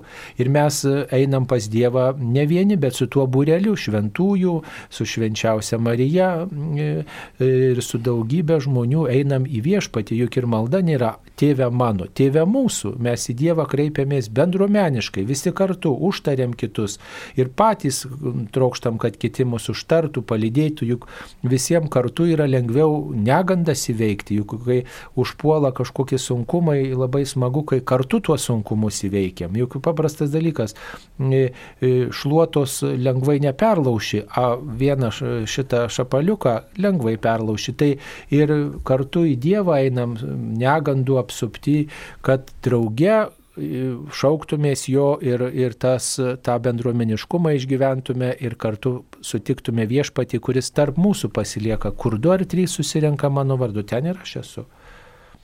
Kunigė, nebent ką pridėsit. O jei, žinot, labai svarbu yra šventieji ir jų užtarimas. Todėl, kad gaunasi visai kitas, kita mūsų prašymo jėga, tai pavadinkim. Ir reiškia, prisideda šventieji dėl savo nuopelnų ir, ir dar noriu tokį, nežinau kaip čia pavadinti, tarsi įrodymą pasakyti. Italijoje labai mėgstami šventieji. Tenai turi ne tik tai žmonės, kiekvienas savo mėgiamus šventuosius, bet turi ir šeimą, turi ir gatvę, turi ir kvartalai, turi miestas, visur visur šventieji. Ir štai, kai mes palygintume tautas, kurios turi daugiau šventųjų, tai tokios tautos kaip italų kitos nėra. Vis tik kažko, kažkas tai va yra tokio apčiuopiamo. Tai va, ne, reikia mums tai turėti omeny ir, ir, ir turėti savo draugų. Ir tai su draugais bus lengviau žemėje gyventi ir amžinybėje. Mums paskambino. Mindaugas iš Panevežio. Klauskite. Garbėsiu Kristus. Per amžius. Na dabar, pavyzdžiui, programos būna 17 val. seserų benediktinių malda. Na, pavyzdžiui, ką galėtų, pavyzdžiui, paprastas pasaulietis ten su benediktinėmis. Jos yra, meldžiasi savo maldom, pavyzdžiui, tenais. Na, nieko gero neduoda pasauliečių, pavyzdžiui. Yra daug vienuolynų, pavyzdžiui, pakaitom būtų ir tie, ir tie, sakykime, va, gal jūsų čia vienuolis va, dalyvauja laidoje. Jie galėtų, pavyzdžiui, melsis, nu kažkaip įvairiau būtų, ar vien benediktinės. Ir, pavyzdžiui, pasauliečiai tos maldos vienuolijos kažkaip tai savotiškai jų grinais savitos yra dėl, dėl vienuolių. Pavyzdžiui, nu tai va, ką norėjau pasakyti. Taip, supratom, ačiū, mėlasis. Nu, truputį savo prieštaraujat, sakot, kad reiškia maldos dėl vienuolių ir, ir norit kitų vienuolių. Tai galim pasakyti jums taip, kad taip, meldžiasi visi vienuolynai, įvairūs vienuolynai ir, ir turbūt net tėvai jezuitai meldžiasi drauge liturginės valandas. E, bet matot, yra toks dalykas kaip Marijos radijų programų tinklelis. Yra įprasta, kad tuo pačiu laiku mes kalbam, va štai tokias maldas. Žmonės pripranta ir tuo metu laukia ir meldžiasi draugė. Ir, ir, ir taip, ir toj maldos nuotaikoj būna. Bet, reiškia, ne visi vienuolynai e, gali kokybiškai, na, va, tą maldą, na, tokią E, taip sakant, leisti transliuoti, tai viena, kitas dalykas technikos klausimas. Matau, čia yra įprasta, sutarta jų yra užduotis, benediktinių užduotis, reiškia liturgija, garbinti Dievą, va, tokia jau ypatinga charizma, ypatinga dovana va, kiti vienuolynai kitas dovanas turi ir kitose vienuolynuose paprasčiausiai nėra aparatūros, o mes mūsų rankos per trumpos, kad mes visur į visus vienuolynus suspėtume ir sutartume, kad va, būtent mėly malonus, sėskit, melskitės, mes norim jūs transliuoti. Tai mes tiek žmonių neturime, va, kurie lakstytų po įvairius vienuolynus ir galų gale kitose vienuolynuose truputį gal kitas laikas yra sutartas, o radijų yra įprasta ir labai svarbu tas, na, tam tikras ritmas tuo pačiu metu metu. O kad neduoda, tai tikrai su jumis, mielasis, nesutinku. Malda tai yra ne vienuolynų maldos, tai yra mm, visos bažnyčios, visų, visos, e, visų tikinčių žmonių netgi maldos, nes psalmės yra ne tik krikščionių maldos, bet ir žydų maldos ir, ir visų, reiškia, monot, visų Dievą garbinančių žmonių maldos yra ir tai yra Dievo, dievo pagarbinimas, apmąstymas ir išgėdojimas paties viešpatie žodžio kuris gali būti suprantamas ne tik tiesiogiai, bet taip pat ir, ir dvasinė prasme ir, ir, ir tikrai mus labai praturtina, paguodžia ir tai yra milijardai žmonių meldėsi iki mūsų ir dabar meldžiasi šiomis maldomis, tai yra būdas garbinti Dievą, va, kuris kelia mano tikėjimą, mano tik ryšį su Dievu išreiškia, artimo meiliai uždega mane sotina, stiprina, maitina. Tai ir jezuitai turbūt, va, gal galėtų jezuitai štai penktą valandą pasiekti pasimelsti su mumis. Mhm. Žinokit, kad jezuitai neturi tos bendros maldos, o tokios kartu. Mes tik tai mišiose bendraujame, o taip mes atskirai melžiame šitas maldas. Ir dar aš norėjau įsiterpti štai kokią mintimį. Liturginės valandos tai yra tokia bažnyčios malda, kuri ankstyvesniais laikais būdavo ir pasauliečių pasauliečiai dalyvaudavo. Štai prisiminkime iki antro Vatikano susirinkimo bažnyčiose, kiekvienoje bažnyčiai būdavo po sumos mišparai. Mišparai tai yra dalis liturginių valandų. Ir, ir dar anksčiau būdavo, ir dar daugiau. Ir tai čia visiškai yra normalu, kad psalmės yra naudojamos kaip malda, todėl kad tai yra nu, mūsų lobis tikėjimo.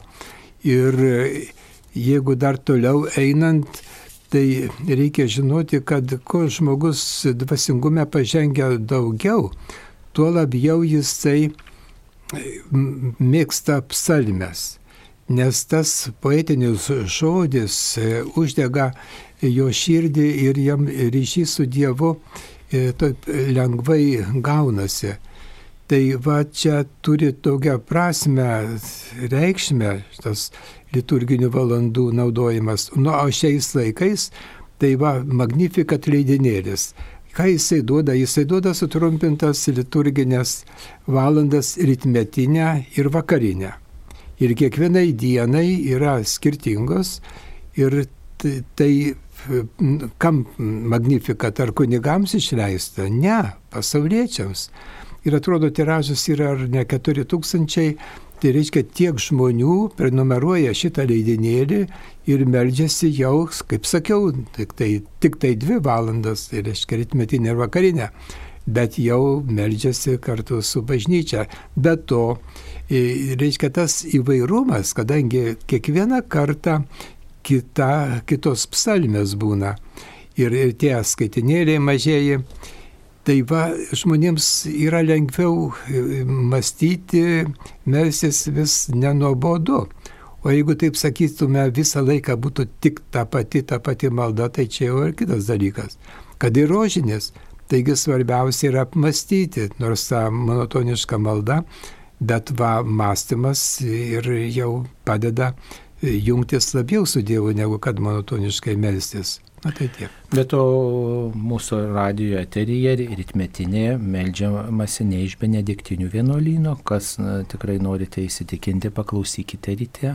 Ir pamatysite, kad ne benediktinės meldžiasi, tai nėra nuolat tik iš benediktinių. Taip, mums paskambino.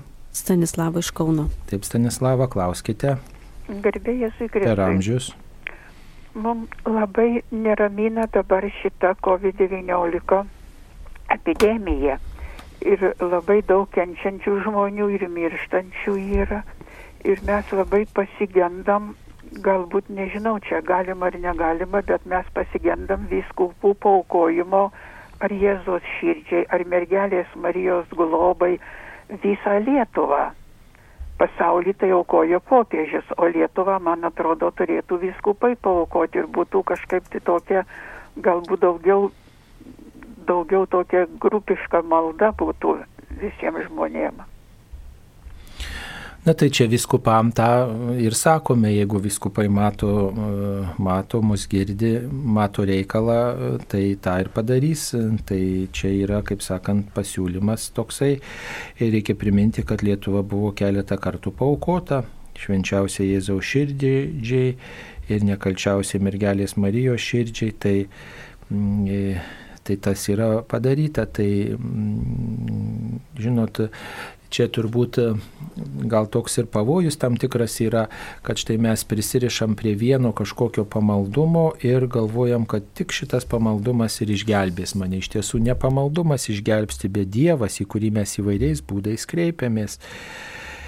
Ir, ir tiesiog, tiesiog Na, paprasčiausiai turbūt reikėtų asmeninį tikėjimą, e, tikėjimą stiprinti, gilinti ir, ir, aišku, kviesti kitus žmonės tą daryti. Na, tai lauksime, žodžiu, e, ką mūsų viskupai nutars, o e, jie yra nutarę, pakvietę mus kasdien melstis į šventai Juozapą ir štai popiežius Juozapo metus paskelbė, tai yra tokių bendrų iniciatyvų, kuriomi, į kurias galime atsiliepti.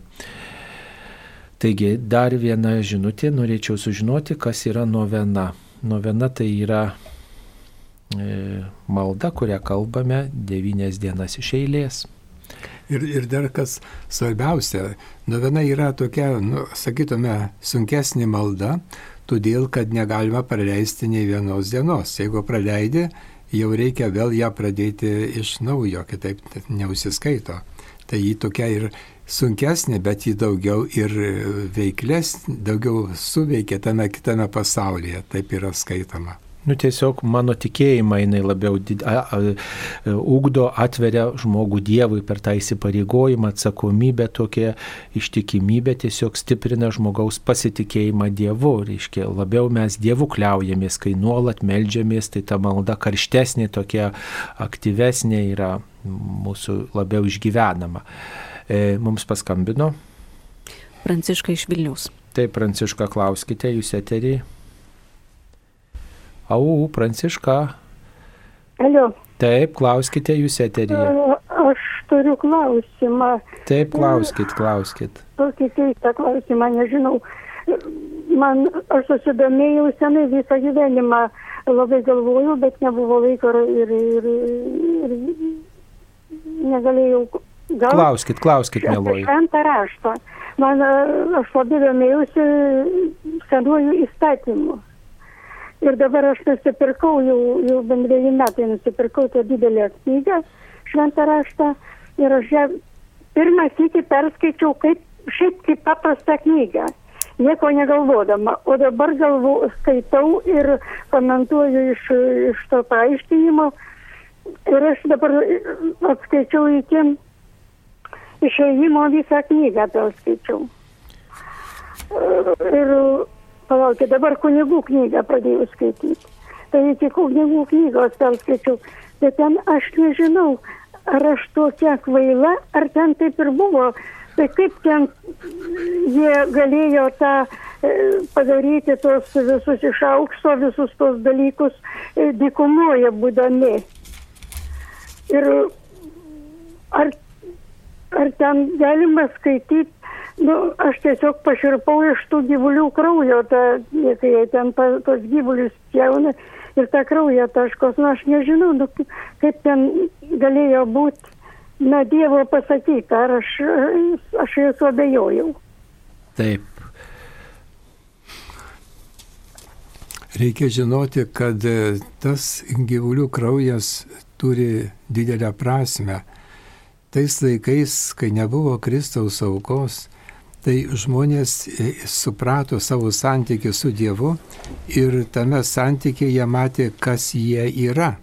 Jie yra nusidėjėliai ir dabar, e, jeigu tu dievo, Dievą įžeidė, tai tu esi vertas mirties. Bet patsai negali savo kraują išlieti, nes Dievas to neleidžia, Na tai vietoj to aukojo gyvulius ir jų kraują.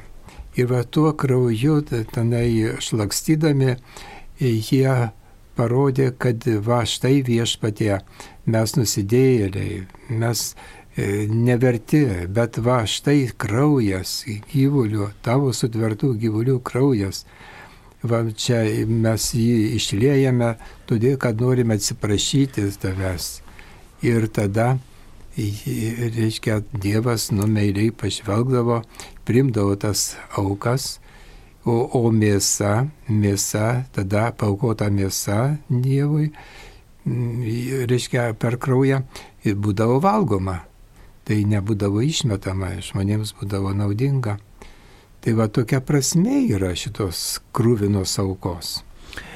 Nu, mato, truputį giliau reikia čia irgi išvelgti, kad tą knygą, jeigu kalbate apie kunigų knygą, reikia turbūt skaityti turint galvoj visų pirma to krašto žmonės, tų laikų žmonės, kurie e, buvo įpratę, reiškia, Dievui aukoti ir apskritai ir aplinkinėse tautose dievams būdavo aukojama, tai nebuvo tik tai kažkas naujo, kad aukojama. E, pagonys aukodavo net šeimos narių žmonės Dievui, dievams tai aukoti gyvulius tai yra na, toks humaniškesnis, sakytum, sprendimas. Ir vienas dalykas, kitas dalykas, kokia pagrindinė žinia tos kunigų knygos, kad reikia laikytis ištikimybės Dievui ir e, vis dėlto prisiminti, kad Dievas rūpinasi žmonėje, rūpinasi tauta ir kartu na,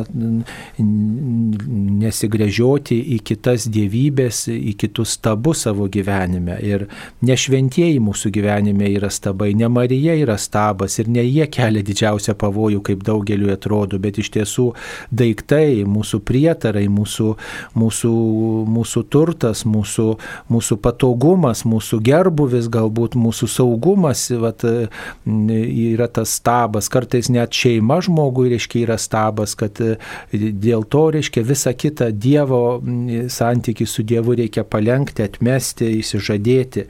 Ir kita vertus, tos aukos visos Senajam testamente ir ypač kunigų knygoje prašytos yra aiški nuoroda pranašyti pranašystė apie sakramentus, apie patį Kristų, kuris savo gyvybę atidavė, paukojo save kaip nekaltas savinėlis už, mm, už žmoniją ir galų gale mišios yra nekruvinu būdu sudabartinama viešpaties auka. Tai, e, žinot, skaitydami šventą raštą daugiau melskitės ir žiūrėkite truputį, o kur čia yra žinia apie Kristų. Ir skaitykite ne šiaip savo šventą įraštą, bet skaitykite katalikišką šventą įraštą su katalikiškais komentarais. Ir nepamirškite bandykit visada Kristaus istoriją, Kristaus asmeniu atrakinti šitų tekstų ir prie jų eikit ne šiaip savo kaip. Nu tai dabar paskaitysiu ir viską apie Dievą suprasiu. Ne su puikybė, bet su nuolankė širdim. Nesuprantu viešpati, bet tai yra šventas raštas, tai yra milijardus žmonių maitinusi knyga, tai yra tikėjimo knyga.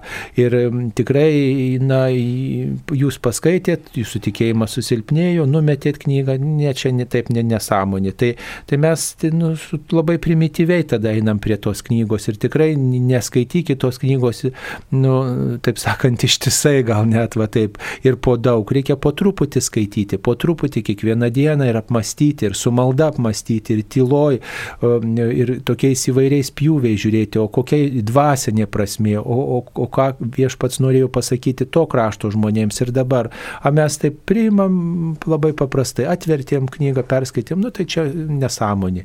Tai labai, žinot, primityviai ateidami labai taip su tokia puikybė, su tokiu noru viską savo protu suprasti, mes tikrai šitą knygą nuvertinam ir save patys nuo viešpaties atskiriam. Vis dėlto reikia daugiau nuolankumo ir tokio supratimo, kad iki galo tikrai nu, neišsems mano protas. Vieną, kitą, trečią, dešimtą, penkioliktą, šimtą į kartą perskaitęs knygą tikrai aš visko tikrai nesuprasiu, žinokit. Švento rašto aiškintojai, Biblijos tyrinėtojai gyvenimą pašvenčia šitai knygai vieną eilutę, vieną, keliom pastraipom ir tai, reiškia, jaučiasi, kad tik tai dalį atrado arba koks yra platus tas ta galimybė aiškinti. Tai E, maitintis tuo Dievo žodžiu taip, kad reikia daugiau maldos, maldos ir tokio nuolankumo prie šitos knygos. Taip, e, mums paskambino. Onutė iš Kauno. Taip, onutė, klauskite. Garbėsiu Kristus. Per amžius. Norėjau paklausti apie kunigų mokslinius laipsnius, kaip eina prelatas, daktaras, už kokius nuopelnus jie gauna ir kaip iš eilės eina tie moksliniai laipsniai. Nu, kaip iš eilės eina moksliniai laipsniai? Nu, tai pirmiausia eina bakalauras, paskui eina magistras, paskui eina e, teologijos licencijatas, tada eina e, daktaras, e, nu, va, ir, ir, ir, nežinau, habilituotų daktarų turbūt ne, nėra teologijoje. Tai va šitaip, o, o jeigu pedagoginiai laipsniai, tai yra docentas ir profesorius, va, tai taip trumpai. Taigi, dabar dar vienas klausimas mm, apie tarp religinę santoką. Ar bažnyčia gali suteikti sakramentinę santoką? Kokias Dievo malonės galiu prarasti vesdamas budistę? Ar man geriau nutraukti šią draugystę, kuri gali mus nuvesti iki santokos ir šeimos kūrimo? Oho, čia tai labai yra rizikingas dalykas nes dabar prieš santoką, žinoma, meilė padeda gražiai suprasti vienas kitą ir priimti vienas kitą, bet, bet gyvenime paskui prasideda problemos. Nes vis tik tai yra žiūrėjimas kitą kryptimį, kaip jūs žinot, meilė tai yra žiūrėjimas ne vienas į kitą, o, o, o viena kryptimi ir tai į Dievą. Ir jeigu šito nėra, nes tokiu atveju nu, ne tą kryptimį abu du žiūri, tai kaip tada, kas toliau? Vienu žodžiu, čia yra didelė rizika, o dėl santokos sakramento tai įvairiais atvejais vis tiek jis yra duodamas. Bent jau blogiausiu atveju vienai pusiai, tai katalikiškai pusiai. Taip, taip sakant, čia jūs einate į riziką.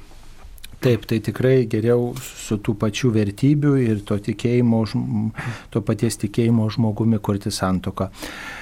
Taip, gyvenu užsienyje, kokiu būdu galėčiau prenumeruoti Magnifikat maldinėlį. Visą galite surasti e, Magnifikat puslapyje, internetinėme puslapyje, taip ir galima rašyti magnifikat.lt Ir taip pat galite prenumeruok.lt, prenumerata.lt, žodžiu, ten yra visa informacija, magnifikat maldinėlis, kurį galime užsiprenumeruoti net būnant ir užsienyje. Taip, dabar mm, Dar viena žinutė, kodėl dabar nepasitikima pranašais, nors senovėje juos vertindavo. Na dėl to, kad dabar yra pranašai, didysis pranašas, pranašų pranašas ir mokytojas Kristus, Jėzus Kristus ir nereikia jokių kitų pranašų, nes jis labiausiai tobulai uh, uh, atskleidė, kas yra Dievas.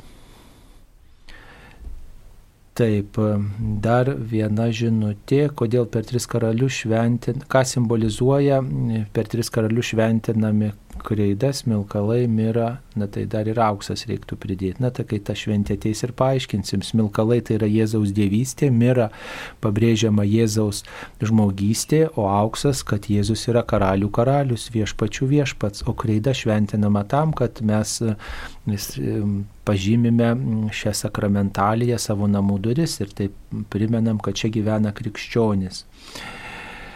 Na, kodėl per liuteronų pamaldos rodomos per televiziją, neseniai sužinojau, kad tai priešiškas katalikybei tikėjimas. Na, yra skirtumų, bet yra ir bendrumų ir turbūt kodėl tai reikia klausti televizijos.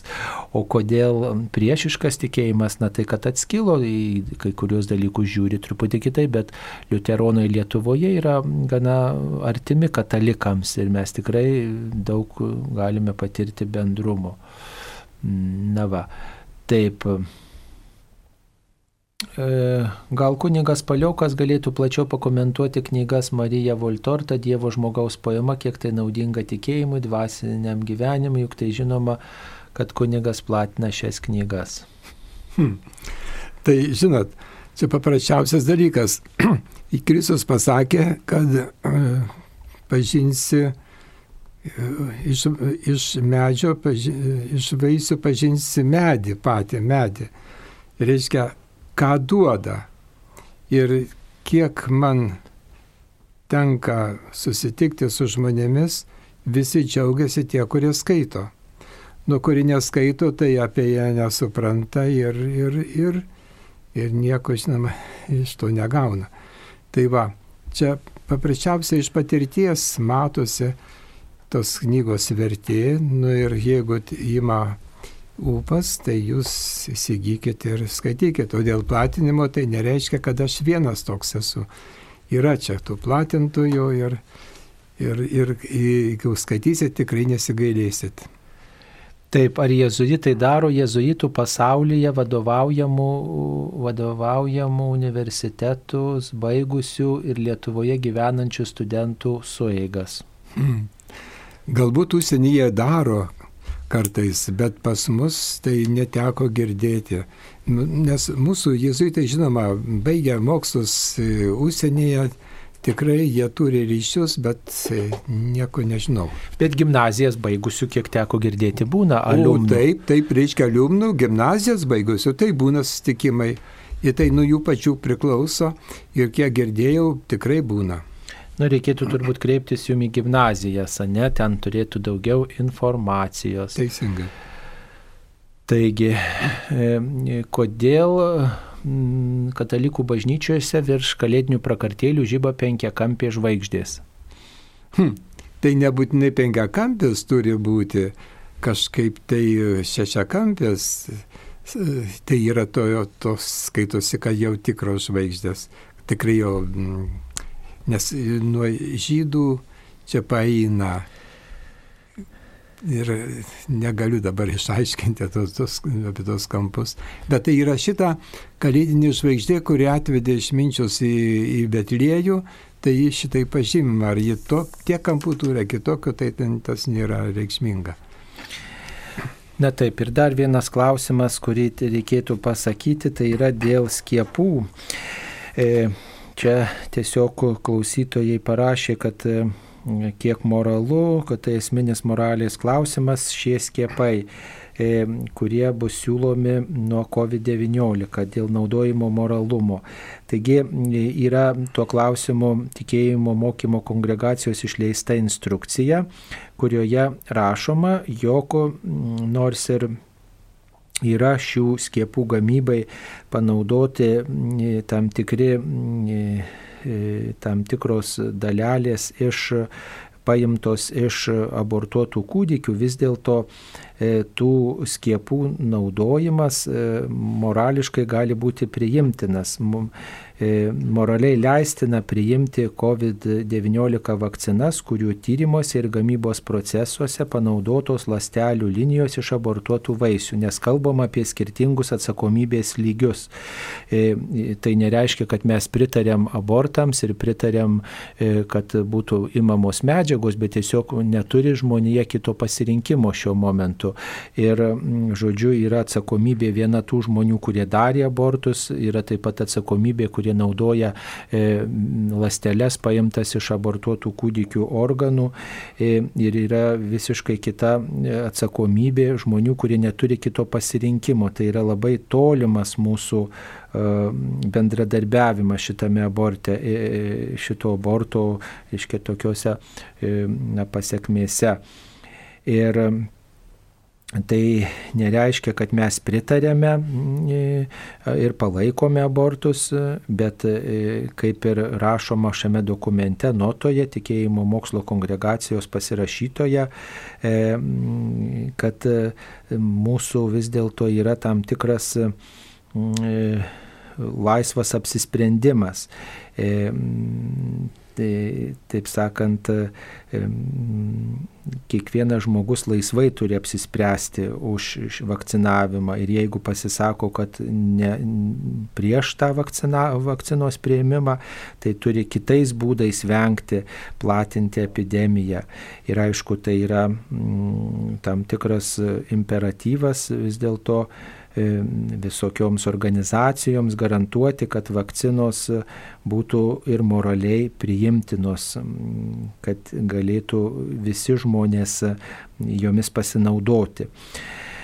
Tai tiek jums atsakėme jūsų atsiustus klausimus ir Taip pat kviečiame klausytis Marijos radio laidų, kuriuose išsameu galime surasti atsakymus ir taip pat kviečiame visada melstis prieš klausiant, prieš ieškant atsakymų, kad mes ne tik tai savo protu ieškotume atsakymų, bet pirmiausiai savo tikėjimu ieškotume tiesos ir, ir ne tik tai norėtume žinoti, pažinti, įsiaiškinti, bet taip pat norėtume labiau viešpati pažinti, jį mylėti ir gyventi pagal jo žodį. Šioje laidoje jums į klausimus atsakinėjo kunigas jėzuitas Algirdas Paliokas iš Kauno Šventojo Pranciškaus Ksavero jezuitų bažnyčios ir taip pat aš kuningas Saulis Bužauskas. Būkite palaiminti šiais viešpaties metais visose gyvenimo situacijose. Sudė.